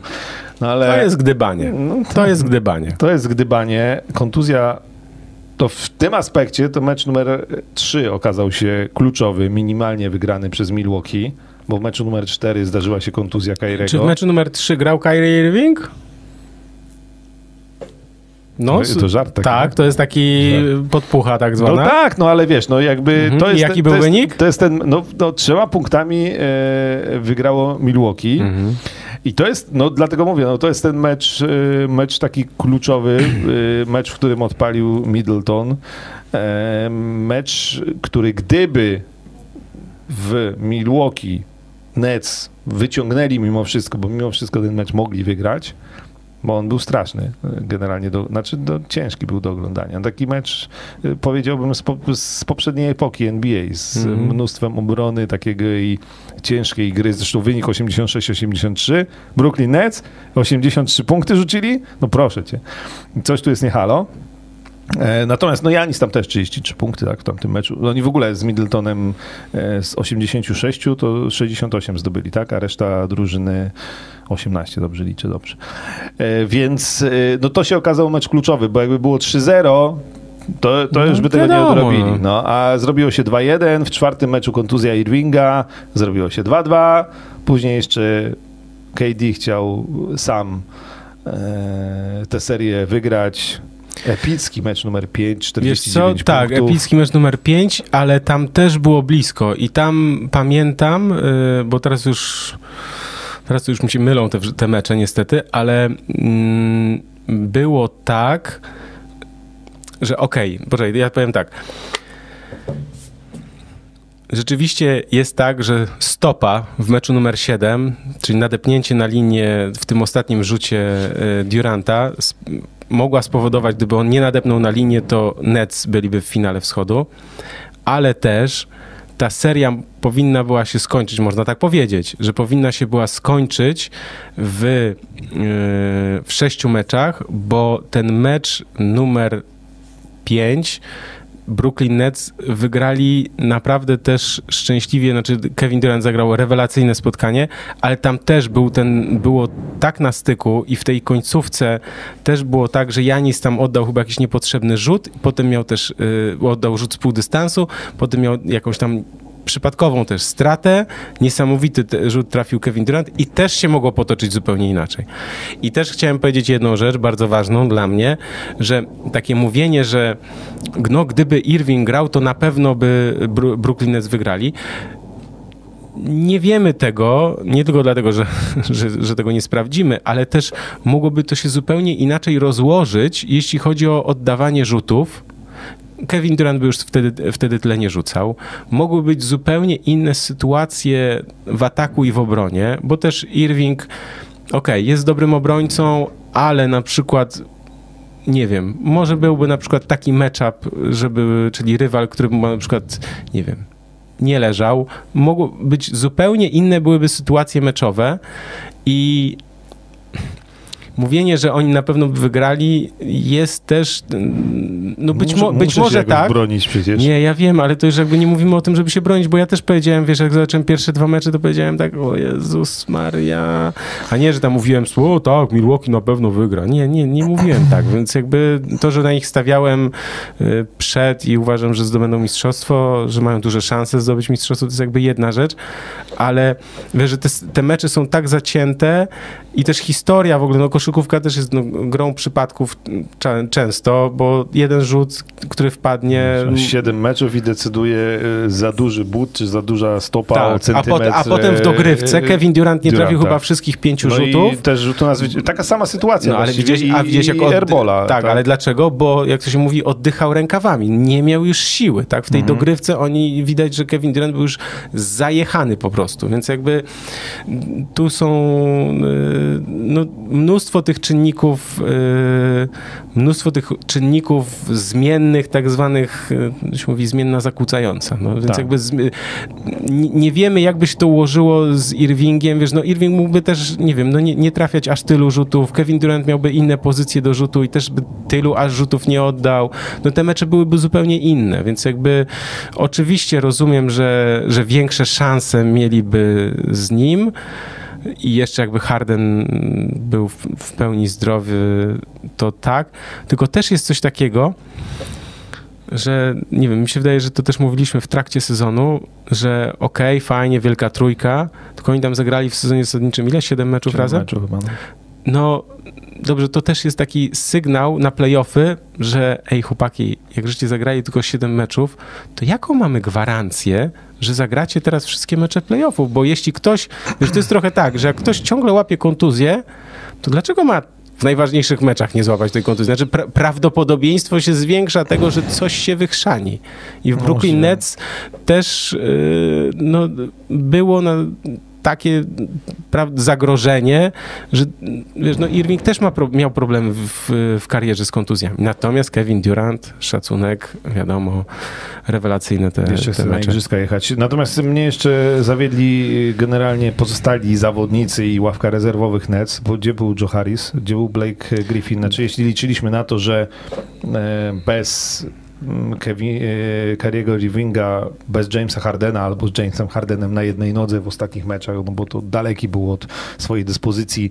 E, ktoś tam jest w stanie zastąpić z tych zawodników, którzy przecież mm, grając jako, nie wiem, czwarta, piąta opcja w ataku spisywali się bardzo dobrze, no to nie, no to, to niestety. Przypomniała mi się ta akcja, bo wiecie co, bo jeszcze jest taka rzecz, że czasem... Yy czasem są takie sytuacje meczowe, które się mówi, że to jest no, game changer, po prostu najważniejsza akcja meczu, mm. nie? I, I była w tym ostatnim y, meczu, nie chodzi nawet o ten ostatni rzut, czy nietrafiony przez, przez Duranta w dogrywce, ale najważniejszą akcją meczu był ten blok Bruka Lopeza na, na Kevinie Durancie.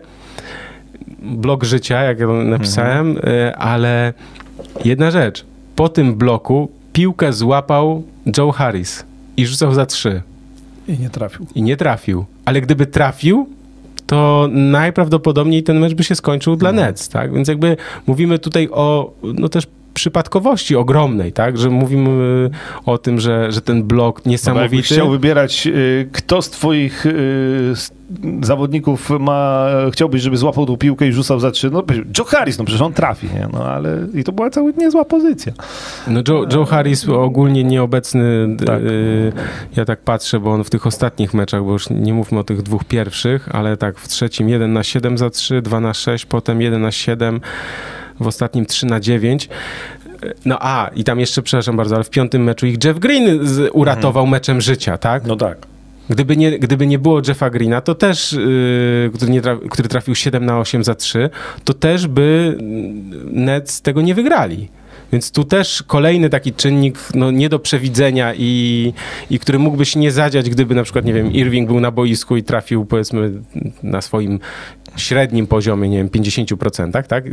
Jeff Green trafiający po prostu 7 na 8 za 3 uratował, e, uratował wtedy razem z Durantem Nets. Więc problem Brooklyn Nets był taki, że z powodu kontuzji oni mieli bardzo ograniczone możliwości. Ci zawodnicy, którzy e, mieli zastąpić wielkie gwiazdy, tego nie zrobili.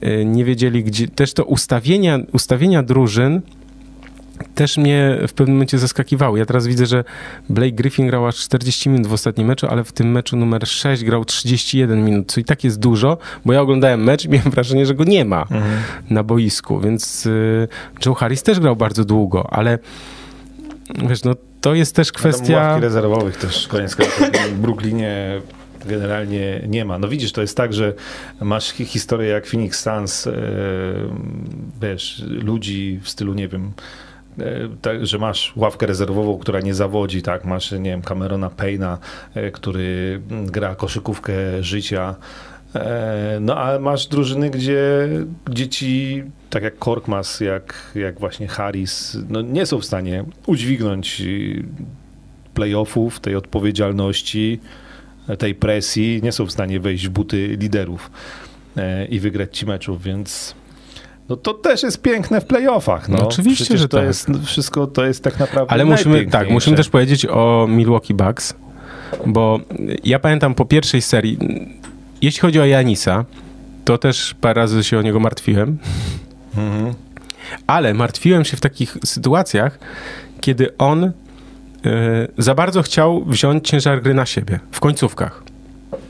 I to było błędem. To już pierwszy mecz serii z Miami Heat, pokazał, kiedy tam chyba było przy remisie, albo on był jakoś faulowany w końcówce i trafił tylko jednego wolnego, że niepotrzebnie grał indywidualnie, no bo wiemy, że on z pół dystansu nie rzuca najlepiej i też, przepraszam, i też z wolnych też nie trafia.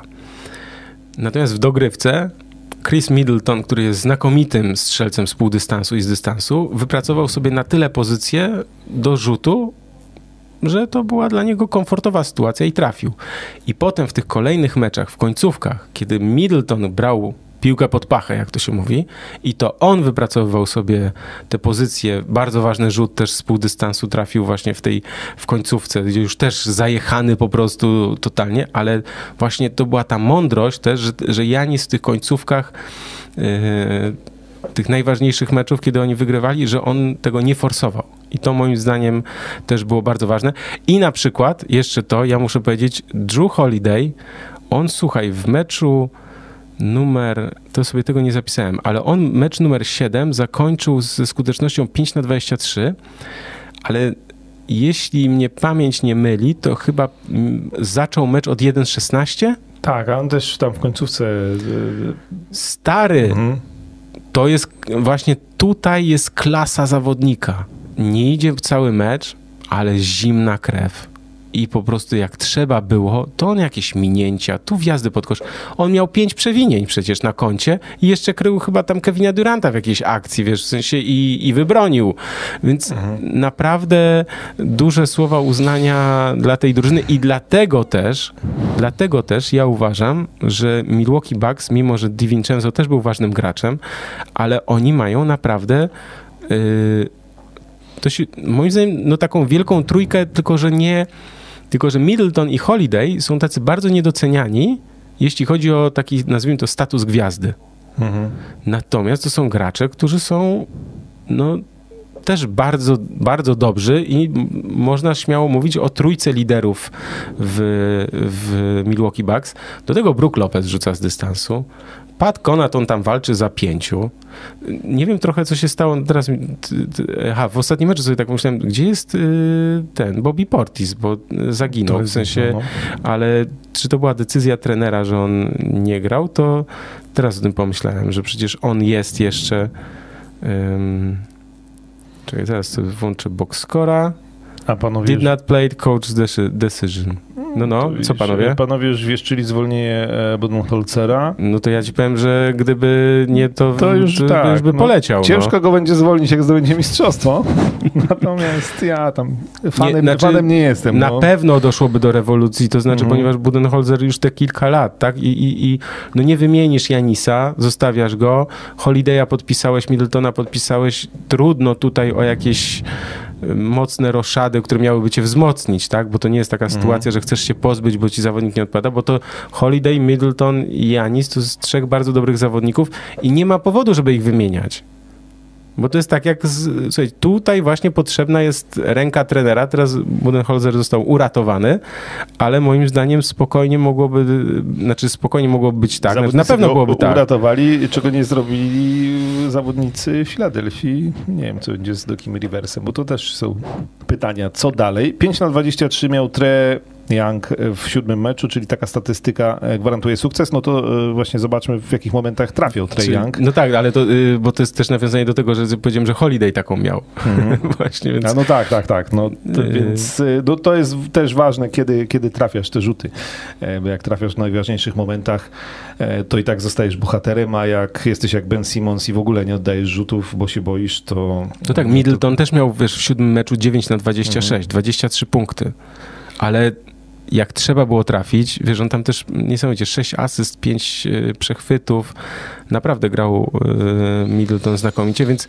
mi się wydaje, że też doświadczenie, bo jednak Atlanta to jest młody zespół z Trejem Youngiem, który już naprawdę e, tutaj nam się pokazał z, z, bardzo dobrej strony, natomiast ja bym się przychylał do takiej opinii, że, że w tym finale konferencji Milwaukee odetchnęło, Przeszli Nets i teraz... 4-1. Tak. A, to jesteśmy zgodni. Znowu. Nie, no dobra, tym razem ja się zgadzam. No fajnie, fajnie, Atlanta fajnie, natomiast y, tym razem to już Milwaukee.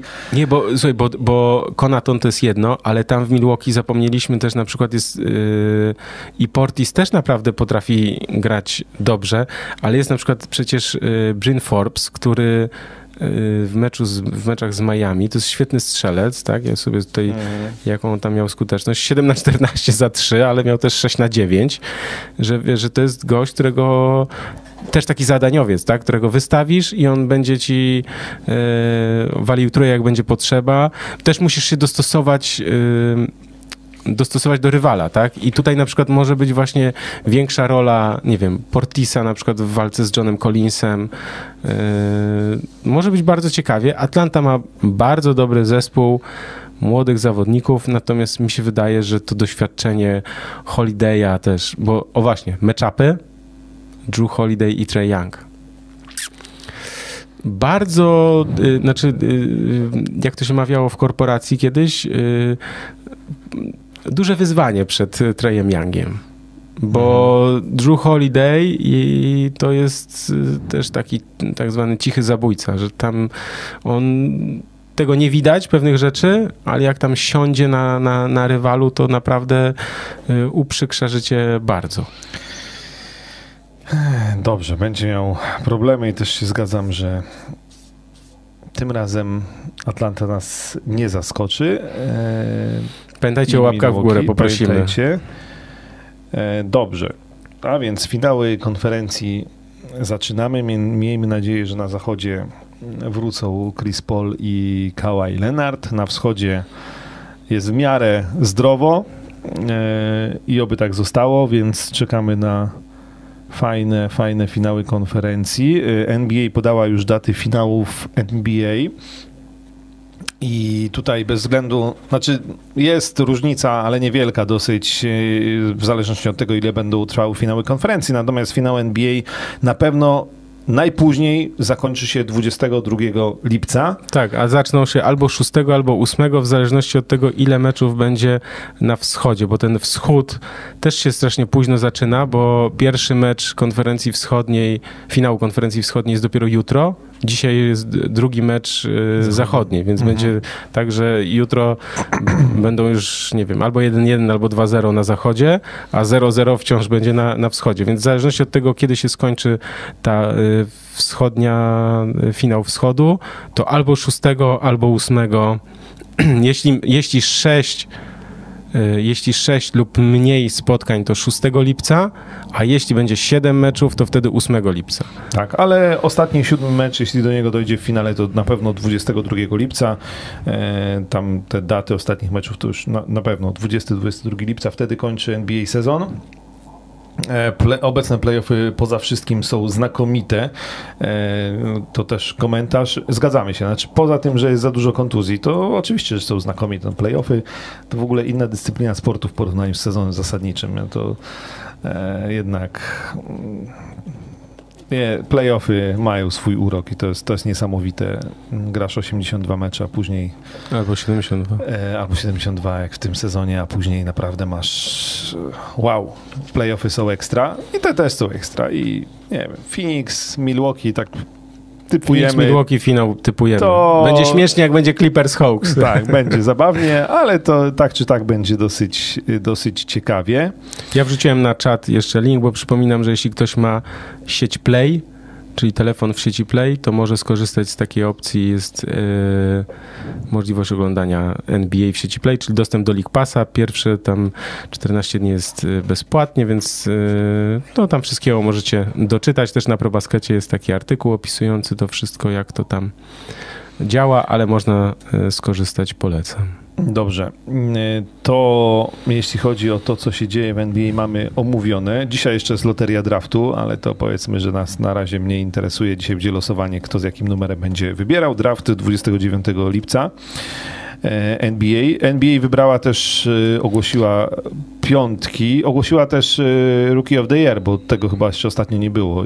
Ostatnia z tych nagród indywidualnych, Lamelo Ball, no ale to tak typowaliśmy, mimo że po powrocie po konduzji trochę słabiej, to jednak myślę, że zasłużona nagroda. Tak, tylko ja jeszcze chciałem odnośnie draftu, mhm. to jeśli ktoś jest fanem Golden State Warriors, to powinien to śledzić, bo wybór, bo y, Warriors mają oczywiście swój, ale też y, wybór w drafcie Timberwolves z 2021, czyli teraz.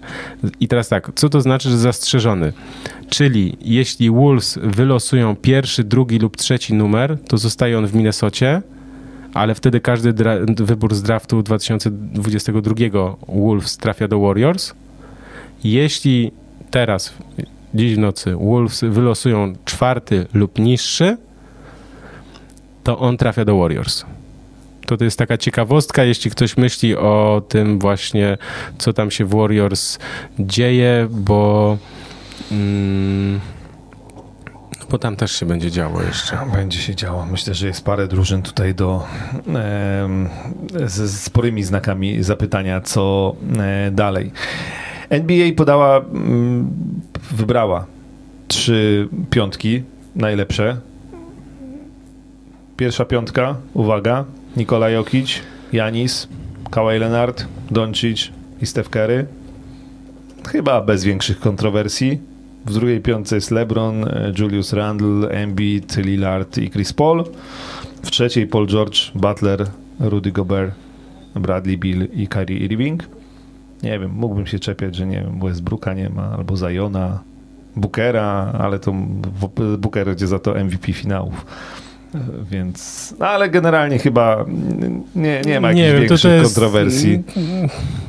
Tu tak można by wydaje. kogoś przesunąć, wiesz, z drugiej do trzeciej czy coś, ale, ale to z trzeciej do drugiej to... że się w miarę zgadzamy. E, I teraz tak, mamy taki temat jak Uwaga, będę prąd odłą odłączać, bo będziemy mówić o Dallas Mavericks. A, u, ojej. Bo tak, y, w paru drużynach, mm, że tak powiem, będzie się dopiero działo, na przykład w Filadelfii, bo to też jest ciekawe w Filadelfii, po pierwsze, czy Bena Simonsa uda im się wymienić i czy będą chcieli, mhm. e, czy, czy jednak jakoś jeszcze próbować jeszcze raz, ale też na przykład co z Dokiem Riversem, czy... Wo, ale, ale to... przepraszam, jeszcze zapomniałeś dodać o tym, że doszło do jednego transferu. E, tak, no dobra, no to właśnie, no to z tych drużyn, które nie grają już w playoffach, to doszło do transferu, Sporo który, ich jest. to doszło do transferu, który można powiedzieć, że e, trochę przewidzieliśmy, bo mieliśmy takie same wnioski. Oj, tam, żeby tam co, troszkę no, się pochwalić. No, tylko. Co nowy generalny menedżer Boston Celtics, czyli Brad Stevens, Kemba Walker zmienił klub. Został mm -hmm. wytransferowany do Oklahoma City Thunder. E, no jest to tak zwana degradacja, bym powiedział, lekka. Wiesz co, powrót do takiej tego, co tam jakby... Kemba Walker, że powrót do tego, co Kemba, co Kemba Walker umie, czyli umie grać dobrze w słabych zespołach. I jeśli pada pytanie o Bena Simonsa, bo to trener Doc Rivers powiedział, że on nie wie, znaczy nie potrafił odpowiedzieć na pytanie, czy Ben Simons jest rozgrywającym, gotowym być, być rozgrywającym mistrzowskiej drużyny.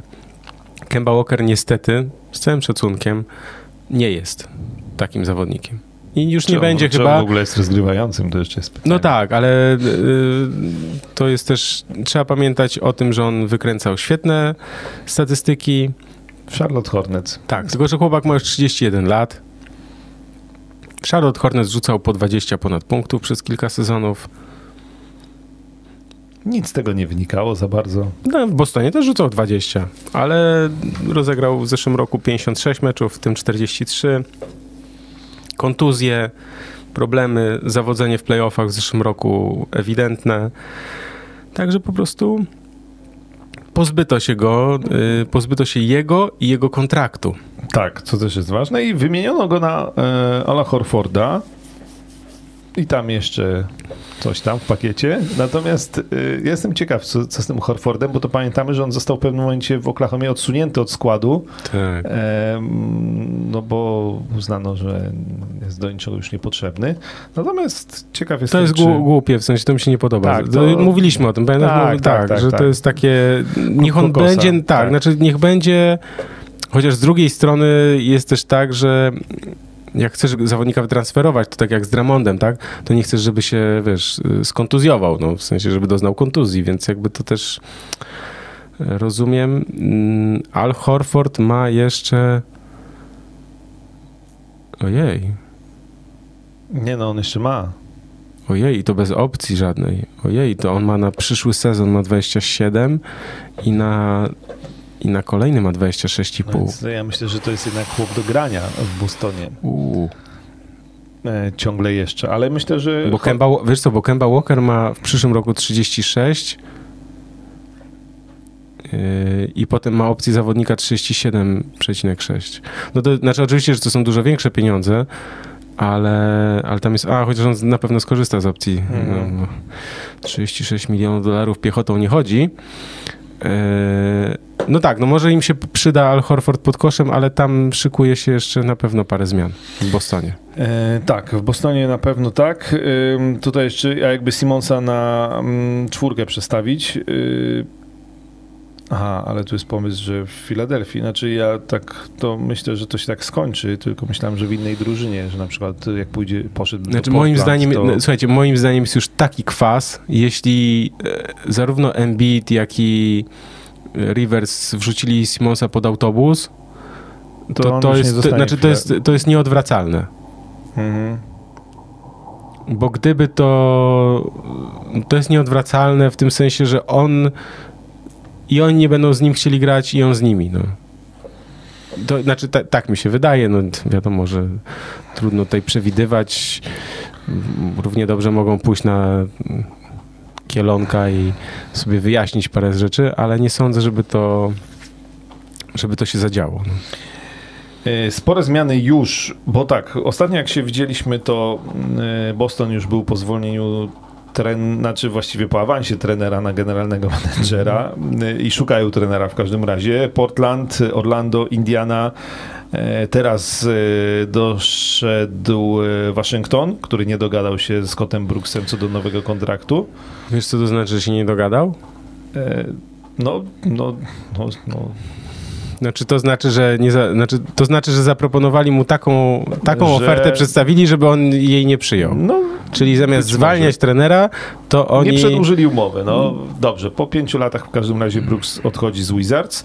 Inny były trener Marcina Gortata, Stan Van Gundy zaledwie po roku z e, Pelicans. To jest zaskakujące trochę, Plus te aczkolwiek. Takie tam No, no. pogłoski, że rodzina Zajona jest niezadowolona i tam w ogóle wszyscy podobno są w Pelicans niezadowoleni ze swojej roli, bo i Ingram, i, e, jakiś tam, jakiś tam, ja tam widzę Wiesz co, problemy. z, z Van Gandym był taki problem, ja się przychylam trochę do takiej oceny, którą chyba Matt Barnes powiedział, że Van Gundy jest dobrym trenerem, ale nie pasuje już do tych dzieciaków, do, po pierwsze nie pasuje już do dzieciaków yy, i też jego wizja koszykówki jest no, archaiczna.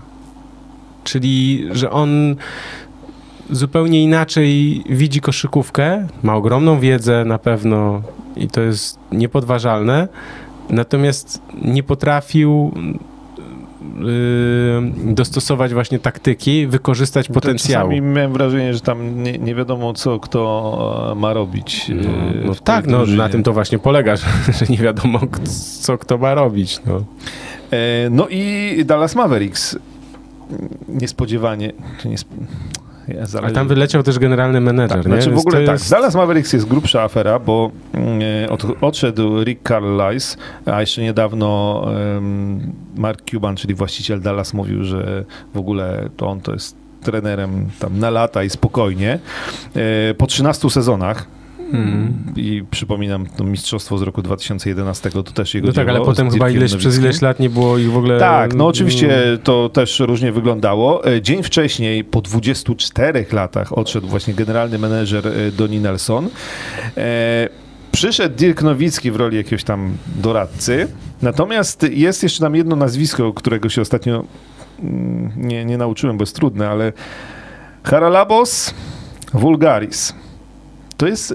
Morgulis. to jest przyjaciel e, Marka Cubana, Aha. tak zwana szara eminencja. A. Człowiek, który y, nie ma tam żadnej za bardzo funkcji, natomiast... Funkcja prezes. Natomiast, e, natomiast decydował i miał e, ostatnie zdanie we wszystkim. Stąd też Donnie Nelson e, podobno się zirytował, bo jakby jako Mhm. generalny menedżer i tak e, nie pod, żadnych decyzji nie mógł podjąć bez zgody Vulgarisa. E, ciekawe jest to, że z Nelsonem dobrze dogadywał się Luka Doncic. Ostatnio z Carlisem, podobno niekoniecznie, chociaż Carlis też uchodzi za takiego trenera trochę nie do dzieciaków, takiego Tak, tak, tak. E, raczej powiedzmy Kar- starej... wiesz co, Mówi się chyba Carlyle. Że nie ma tego S, się nie, nie, Może. nie w czyta. każdym bądź razie takiego e, trochę Archaicznego archaicznego, nie chcę powiedzieć Dziadersa. despotycznego, ale coś takiego.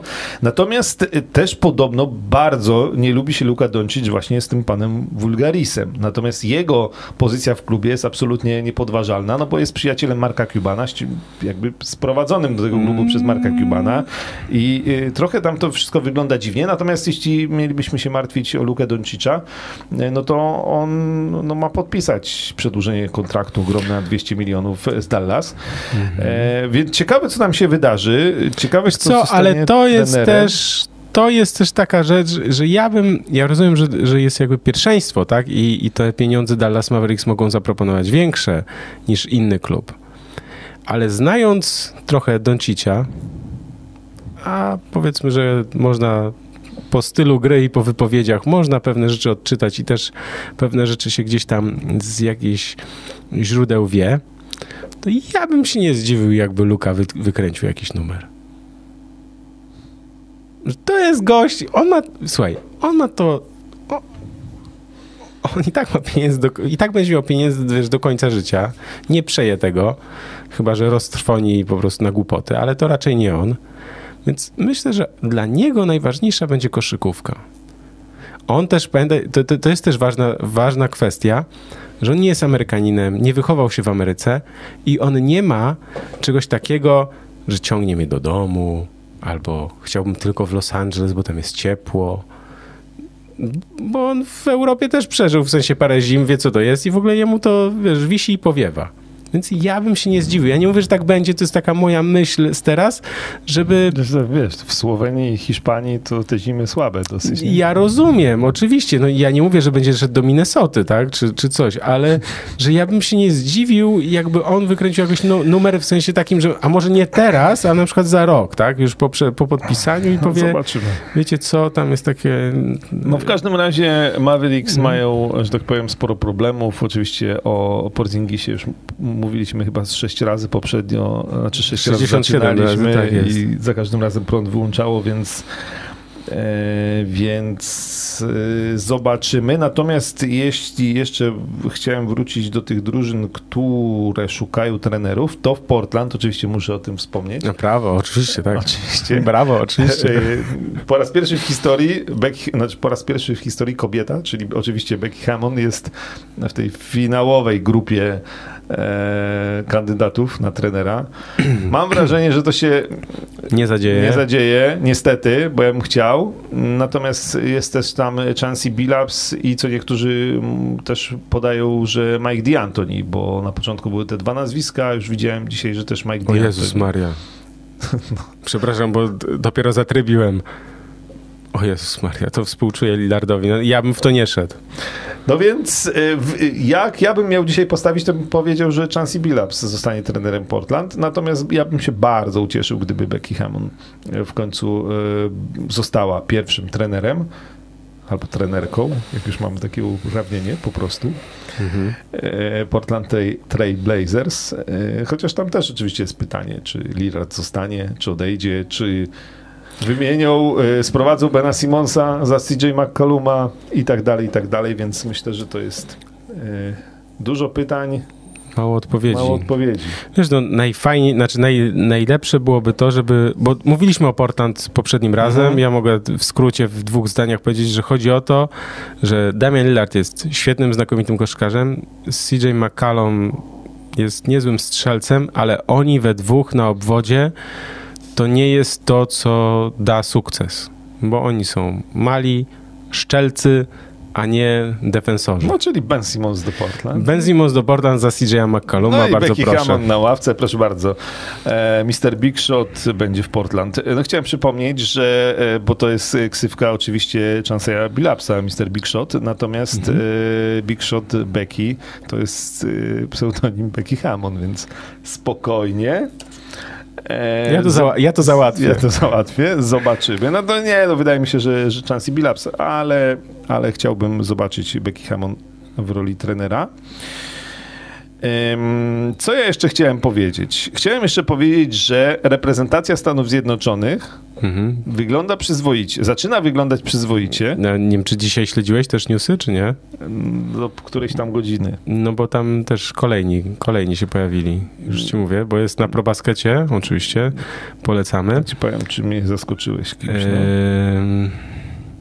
Już ci mówię. Drew Holiday, no to nie. Chris Middleton, No proszę. Kevin Love. No, Kevina Lava słyszałem już. Tak. I masz teraz tak, Lillard, Holiday, Harden, Bill, Tatum, Booker, Middleton, Durant, Draymond Green, Bam Adebayo i Kevin Love. Mhm. To tak na dzisiaj wygląda. Tak, e, Steph Curry się rozmyślił, bo on długo się nad tym zastanawiał, e, natomiast już nie. E, Wygląda to nieźle, znaczy to jednak Amerykanie, Amerykanie... Igrzyska olimpijskie traktują poważnie. Tak, to jest jednak, to, to nie ma innego wytłumaczenia. To jest jedna impreza, e, w której gra reprezentacja Stanów Zjednoczonych koszykarska, którą traktują poważnie. Zapomnijcie o jakichś tam mistrzostwach świata e, sprzed dwóch lat. Nie. Igrzyska olimpijskie, tak. Mm, Koniec czerwca to jest ten termin, kiedy mamy poznać ostateczny skład. 6 lipca w Las Vegas zaczyna się obóz, 25 lipca start. Ale to, E, będzie, ale to będzie kilkunastu zawodników. To nie będzie dwunastka, to będzie gdzieś tam pewnie z 15-18. Tak, no i, i zostanie, no bo teraz weź sobie wyobraź, 25 lipca startuje turniej koszykarski Mhm. na igrzyskach, a na przykład 22 lipca Janis i Middleton gra. Tobie też się zawiesił YouTube? Tak, ale czy to, ale już. Ale już? No ale już, dobrze, może i ale już. E, I na koniec, czy masz jeszcze jakieś historie do opowiedzenia? Nie, no ja mam na przykład taką, poczekaj, musimy się Nie? upewnić, że jesteśmy na żywo. Czy jesteśmy? Czy tylko u mnie padło? Ale chyba, wiesz co, bo ja widzę siebie, że coś tu robię, to jest szansa, że jesteśmy. Jesteśmy. Jesteśmy. Bo za dużo o Dallas. No tak, no. Było Dallas i od razu padło. Jest Jest. okej, live. No proszę, pan mówi. Ja mówię, bo ja chciałem powiedzieć, co ja chciałem powiedzieć, jesteś to. Dziękujemy, już działa. No dobra, czyli mieliśmy jakąś taką małą, mały problem techniczny, ale to się zdarza. Najlepszym się zdarza, wiemy o co chodzi. Yy, bo jest jeszcze taki newsik, ja go pod, podrzucam link. Yy, to są takie ploteczki sprzedawane przez dziennikarzy ESPN. Trochę też, żeby podbić oglądalności i tak dalej. Chodzi mi o to, że Steph Curry mógłby zagrać w Los Angeles Lakers z LeBronem Jamesem. Ale poczekaj, poczekaj. Nie bawimy się w pudelka, nie robimy pomponików i plotkarskich rzeczy, nie wymyślamy fantasmagorii tej baśni Tysiąca Jednej Nocy. Powiem ci o co chodzi. Oczywiście, że historia jest o tym, że oni się świetnie, bo po raz pierwszy chyba w meczu gwiazd byli w jednej drużynie w ogóle pierwszy Bawili się raz. znakomicie, Bawili się znakomicie i wtedy powstały te teorie takie, że Mhm. o tu na pewno LeBron i tak dalej. Natomiast jednej Brzydcy rzeczy... kompetentni jak zwykle. Przepraszam, musiałem to przeczytać, bo to chyba u nas. No, proszę. No wiesz, ja się nawet opaliłem na rowerze dzisiaj. No mów, mów. No i co? Krzysiek był na wakacjach. Ja byłem też, opalony jestem. No właśnie. Więc jest tak, że nawet jeśli, bo Steph Curry może teraz podpisać przedłużenie, w tym roku dostanie, Mhm. bo jemu się kończy kontrakt za rok. A za rok, tak, za rok mógłby być tak zwanym wolnym agentem, tak? I teraz może nie podpisać przedłużenia i może odejść. Mógłby. Wszyscy mówią, że to przedłużenie podpisze.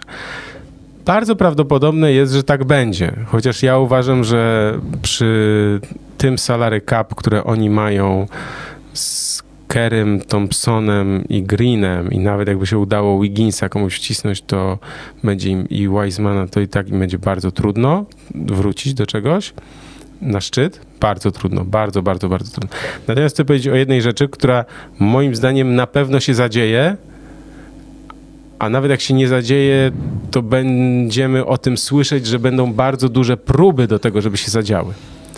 LeBron James już rozpoczął, moim zdaniem, i będzie kontynuował werbowanie jakiejś gwiazdy do Lakers, nie tylko jako opcja numer 3 przy, czy nawet opcja numer dwa, bo on pewnie chciałby być numer trzy. Czyli na przykład Lillard, Steph Curry. Ja bym się nie zdziwił, gdyby doszło właśnie do takiej zaskakującej, zaskakującego transferu. Mm, Wiesz, no oczywiście rozumiem, że jest salary cap i pewnych rzeczy, no ale w Golden State Warriors wiedzą, co to znaczy przekraczanie salary cap i żyją.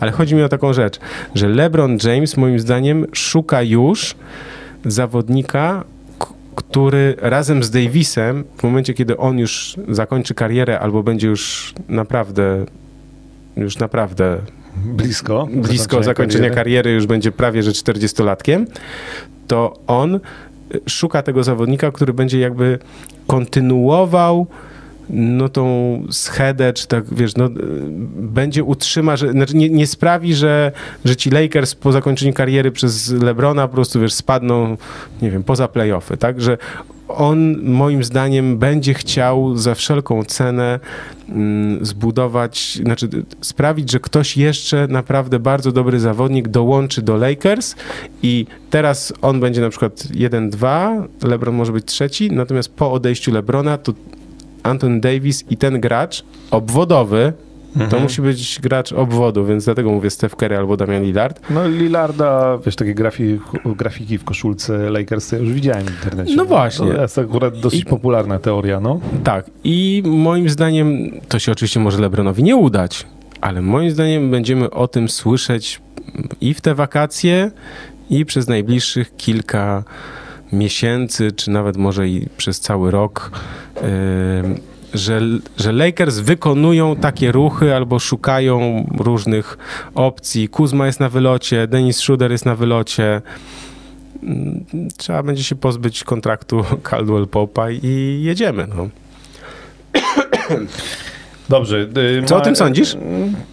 Ja myślę, że jest to realna teoria. Jakoś tak jak z tym Stephen Kerrym zacząłeś, to tak nie bardzo, ale jak już doszedł do tego Lillard, to mm, y, myślę, że to jest bardziej prawdopodobne. Na pewno jest trochę tych drużyn, które muszą pomyśleć nad przyszłością. Ja chciałem powiedzieć, że na przykład Brooklyn Nets, bo to też jest drużyna, o której też w przyszłości dużo się mówi. No właśnie. Bo ja, ja, ja, jakbym, wiesz, był, nie wiem, e, właścicielem Brooklyn Nets na przykład, to ja bym chciał, żeby ci trzej panowie mm, zostali i chciałbym to zobaczyć, jak oni są zdrowi. Nie wiem, co z Blake'iem Griffinem. Oni mają jeszcze ważne kontrakty na przyszły sezon, a na, za dwa lata ma, każdy z nich ma opcję zawodnika. E, Mówiliśmy o tym, mam wrażenie, przed tym sezonem, że Brooklyn Nets w tym sezonie jeszcze nie muszą zdobyć mistrzostwa, że ten kolejny, właśnie następny będzie taki Tak. dla nich kluczowy. I ja bym chciał ich zobaczyć zdrowych. Pytanie jest właśnie, jak tam, ja- jak ich obudować, tak? Bo no, podejrzewam, że Blake Griffin będzie chciał większych pieniędzy, bo teraz gra na, No to jest, myślę, że wiesz... Wiesz, no to, to jest y, trochę tam, oczywiście było też pecha z Lamarcusem Aldridge'em, tak. E, jest trochę pytań, co z resztą drużyny, ale, ale Brooklyn Nets, jak będą zdrowi, to mam wrażenie, że w przyszłym sezonie e, znowu możemy ich widzieć wysoko i rzeczywiście w walce o mistrzostwo. No musimy, musimy pamiętać, że wiesz, że d- Warriors, jak zdobywali mistrzostwo, to poza tym, że mieli Duranta, który do nich dołączył, tak, to był też czy Igudala, czy Sean Livingston, Ibaka. Ibaka, wcześniej y, David Wesley. Mhm. Pamiętasz takiego zawodnika podkoszowego? Przecież on był, wtedy to było to tam Pelicans, Charlotte i tak dalej. Eee, To przecież on rzucał po 20 punktów kiedyś wcześniej, tak? Więc jak oni potrzebują, Warri- Warriors czy, czy Brooklyn Nets potrzebują takich zawodników, którzy mm, no właśnie kiedyś byli bardzo, bardzo dobrzy, teraz już nie są tacy dobrzy, ale i na przykład jakaś drużyna nie chce już w nich inwestować, bo mają właśnie 30 plus, 33 plus, a chcą zdobyć mistrzostwo, tak? Tak, e, Spencer Dinwiddie. To, I jest też na wym... Tak, znaczy trzeba... Znaczy nie wiadomo co zrobi, bo jak on się wyleczy po kontuzji. I... A on chyba już jest chyba informacja, że on chyba zrezygnuje z tej opcji zawodnika. A, no to Może widzisz. jeśli nieoficjalna, to, Mhm. to wiesz, to... No więc tam jest y, znowu jakby pytanie, jak tą trójkę obudować wielką, natomiast mnie najbardziej ciekawi, je, naprawdę, ja bym chciał zobaczyć w większej liczbie meczów niż 7 No, e, oczywiście. Kyriego Livinga, Jamesa Hardena i, i mm, Kevina Duranta zdrowych. zdrowych, zdrowych. Wyczerpaliśmy wszystkie wątki, mogę do ostatniego przejść? No jak musisz. Nie wiem, czy jeszcze, poczekaj, czy jeszcze sobie tak zerknę. Czy jeszcze jakieś pytania są takie trudne na przykład? No, bo mamy 6 minut. No, to proszę, pan jeszcze mówi? E, słuchaj, Marcin Gortat robi film.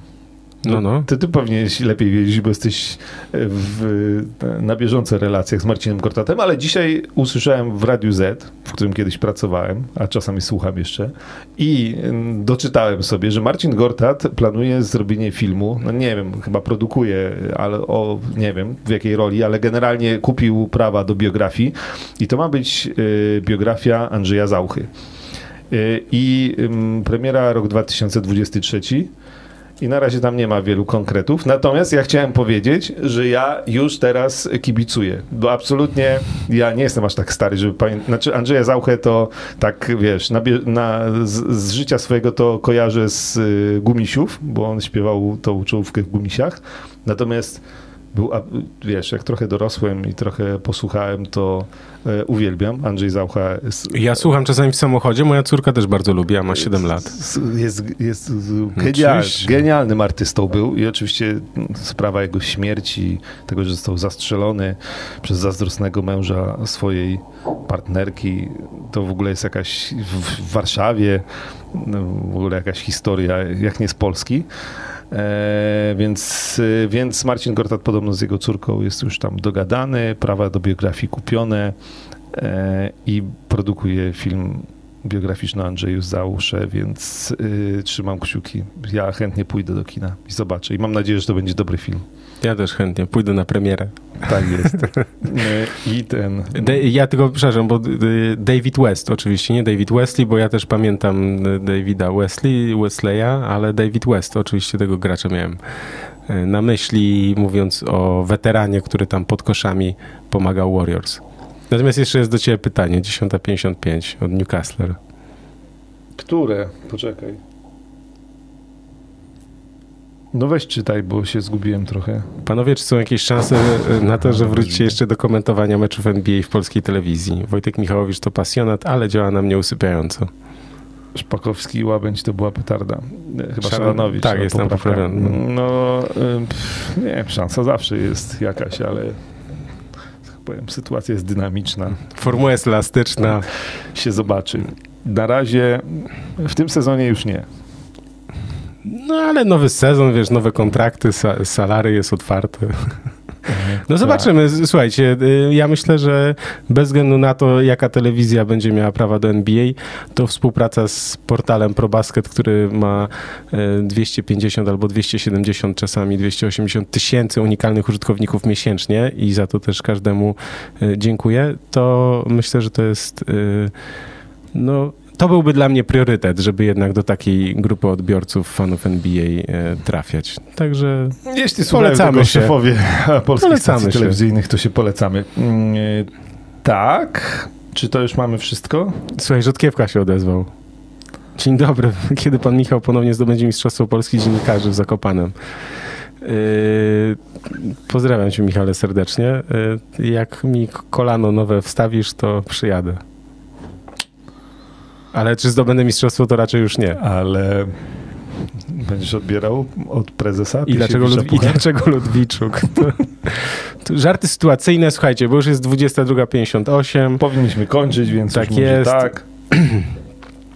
Yy, aha, kiedy następny live, to jeszcze musimy, słuchajcie, musimy to jeszcze ustalić kwestie techniczne, także... Za dwa tygodnie raczej na pewno. Nie, tak. za, dwa tygodnie, za dwa tygodnie na pewno, a za tydzień to się zobaczy. Znaczy się zobaczy. Musimy spojrzeć na pewne tutaj uwarunkowania e, techniczne i czy zrobimy coś czego jeszcze wcześniej nie robiliśmy, ale to zobaczymy. E, Będziemy w, dwu, w dwóch różnych, różnych miejscach. miejscach. więc e, tak. No ale e, za dwa tygodnie na pewno. A czy za tydzień będzie to tak, na znaczy ProBasket? Ja, na ProBaskecie będą na pewno informacje, także na Twitterze, też na Facebooku, także jak tylko ustalimy pewne kwestie, za tydzień, czyli 29. Na pewno 6 lipca się spotkamy. No ale tutaj już. Hmm. Dobra, ja mam jeszcze taką ciekawostkę, tylko nie pamiętam, kto jest trzeci. Jak ktoś będzie. Yy, dobra, o, mam. To będzie konkurs do wygrania czapka. Yy, Kto, jeśli jeszcze jesteście, jeszcze jesteście, do wygrania czapka probasketowa. Kurczę, będę musiał jedną oddać. No dobra, Yy, ale może ktoś nie zgadnie. Dobra, jest trz, podobno trzech zawodników. Umknęło mi, kto jeszcze. Yy, John Collins jest trzecim zawodnikiem, w podobno trzecim zawodnikiem w ostatnich Podobno. 25 latach, który trafił w sezonie zarówno 60 trójek, jak i wykonał 60 wsadów. Drugim graczem jest Anton Davis. I teraz pytanie jest takie, czy był ktoś trzeci, czy nie? Nie będziesz wiedział, stary, bo to jest w ogóle, wiesz, jakaś wiedza no tajemna. jasne, że nie wiem, no ale dobra, ty sprawdzisz na następny raz i... Ja, nie, czy ja, spra- ja próbuję sobie przypomnieć, bo tego nie zapisałem, bo jestem oczywiście, wiesz... Ale to jak padną ci jakieś odpowiedzi, skąd będziesz wiedział? No właśnie, muszę sobie przypomnieć, gdzie to Blake Griffin. No nie, nie Blake Griffin, bo on trafiał trójki, jak y, nie umiał wsadzać Jak już. przestał. Jak przestał Tak. wsadzać. Ym. A, że był, że był ktoś trzeci, wygrałem. Słuchaj, wygrałeś y, talon na Dobra, balon. Michał się zastanowi, y, może będzie mm, ten, rozwiązanie konkursu. Nie, musimy lepiej te konkursy przygotowywać. Nie, nie tak na, wiesz, Na hipcika. no... Dobra, to ostatnia tylko rzecz, już kończymy. Kevin Durant też nie chyba. E, ale ja to muszę sprawdzić. Dobrze, na następny podcast y, sprawdzi, Michał, bo ja na pewno nie. Ja tylko nie będę sprawdzał, no. Kurczę blada, się wkopałem. Talon zawsze chętnie. Dobra, więc tak, y, jesteśmy w kontakcie, że tak to ujmę. Marcin Gorta też nie. Y, zobaczymy, kiedy tam następny. Y, muszę przestać patrzeć na ten czat. Y, Krzysiu, powiedz coś mądrego. Kończymy. Widzimy się, naj... Widzimy się na pewno za dwa tygodnie, a zobaczymy, jak to będzie w przyszłym tygodniu, co i jak. Dobry konkurs. Dobry konkurs. E, nie, trzeba, trzeba tą końcówkę wyciąć. Dobra, koń, kończmy to. Kończymy. Krzysztof Sendecki. Michał Pacuda. Pozdrawiamy serdecznie.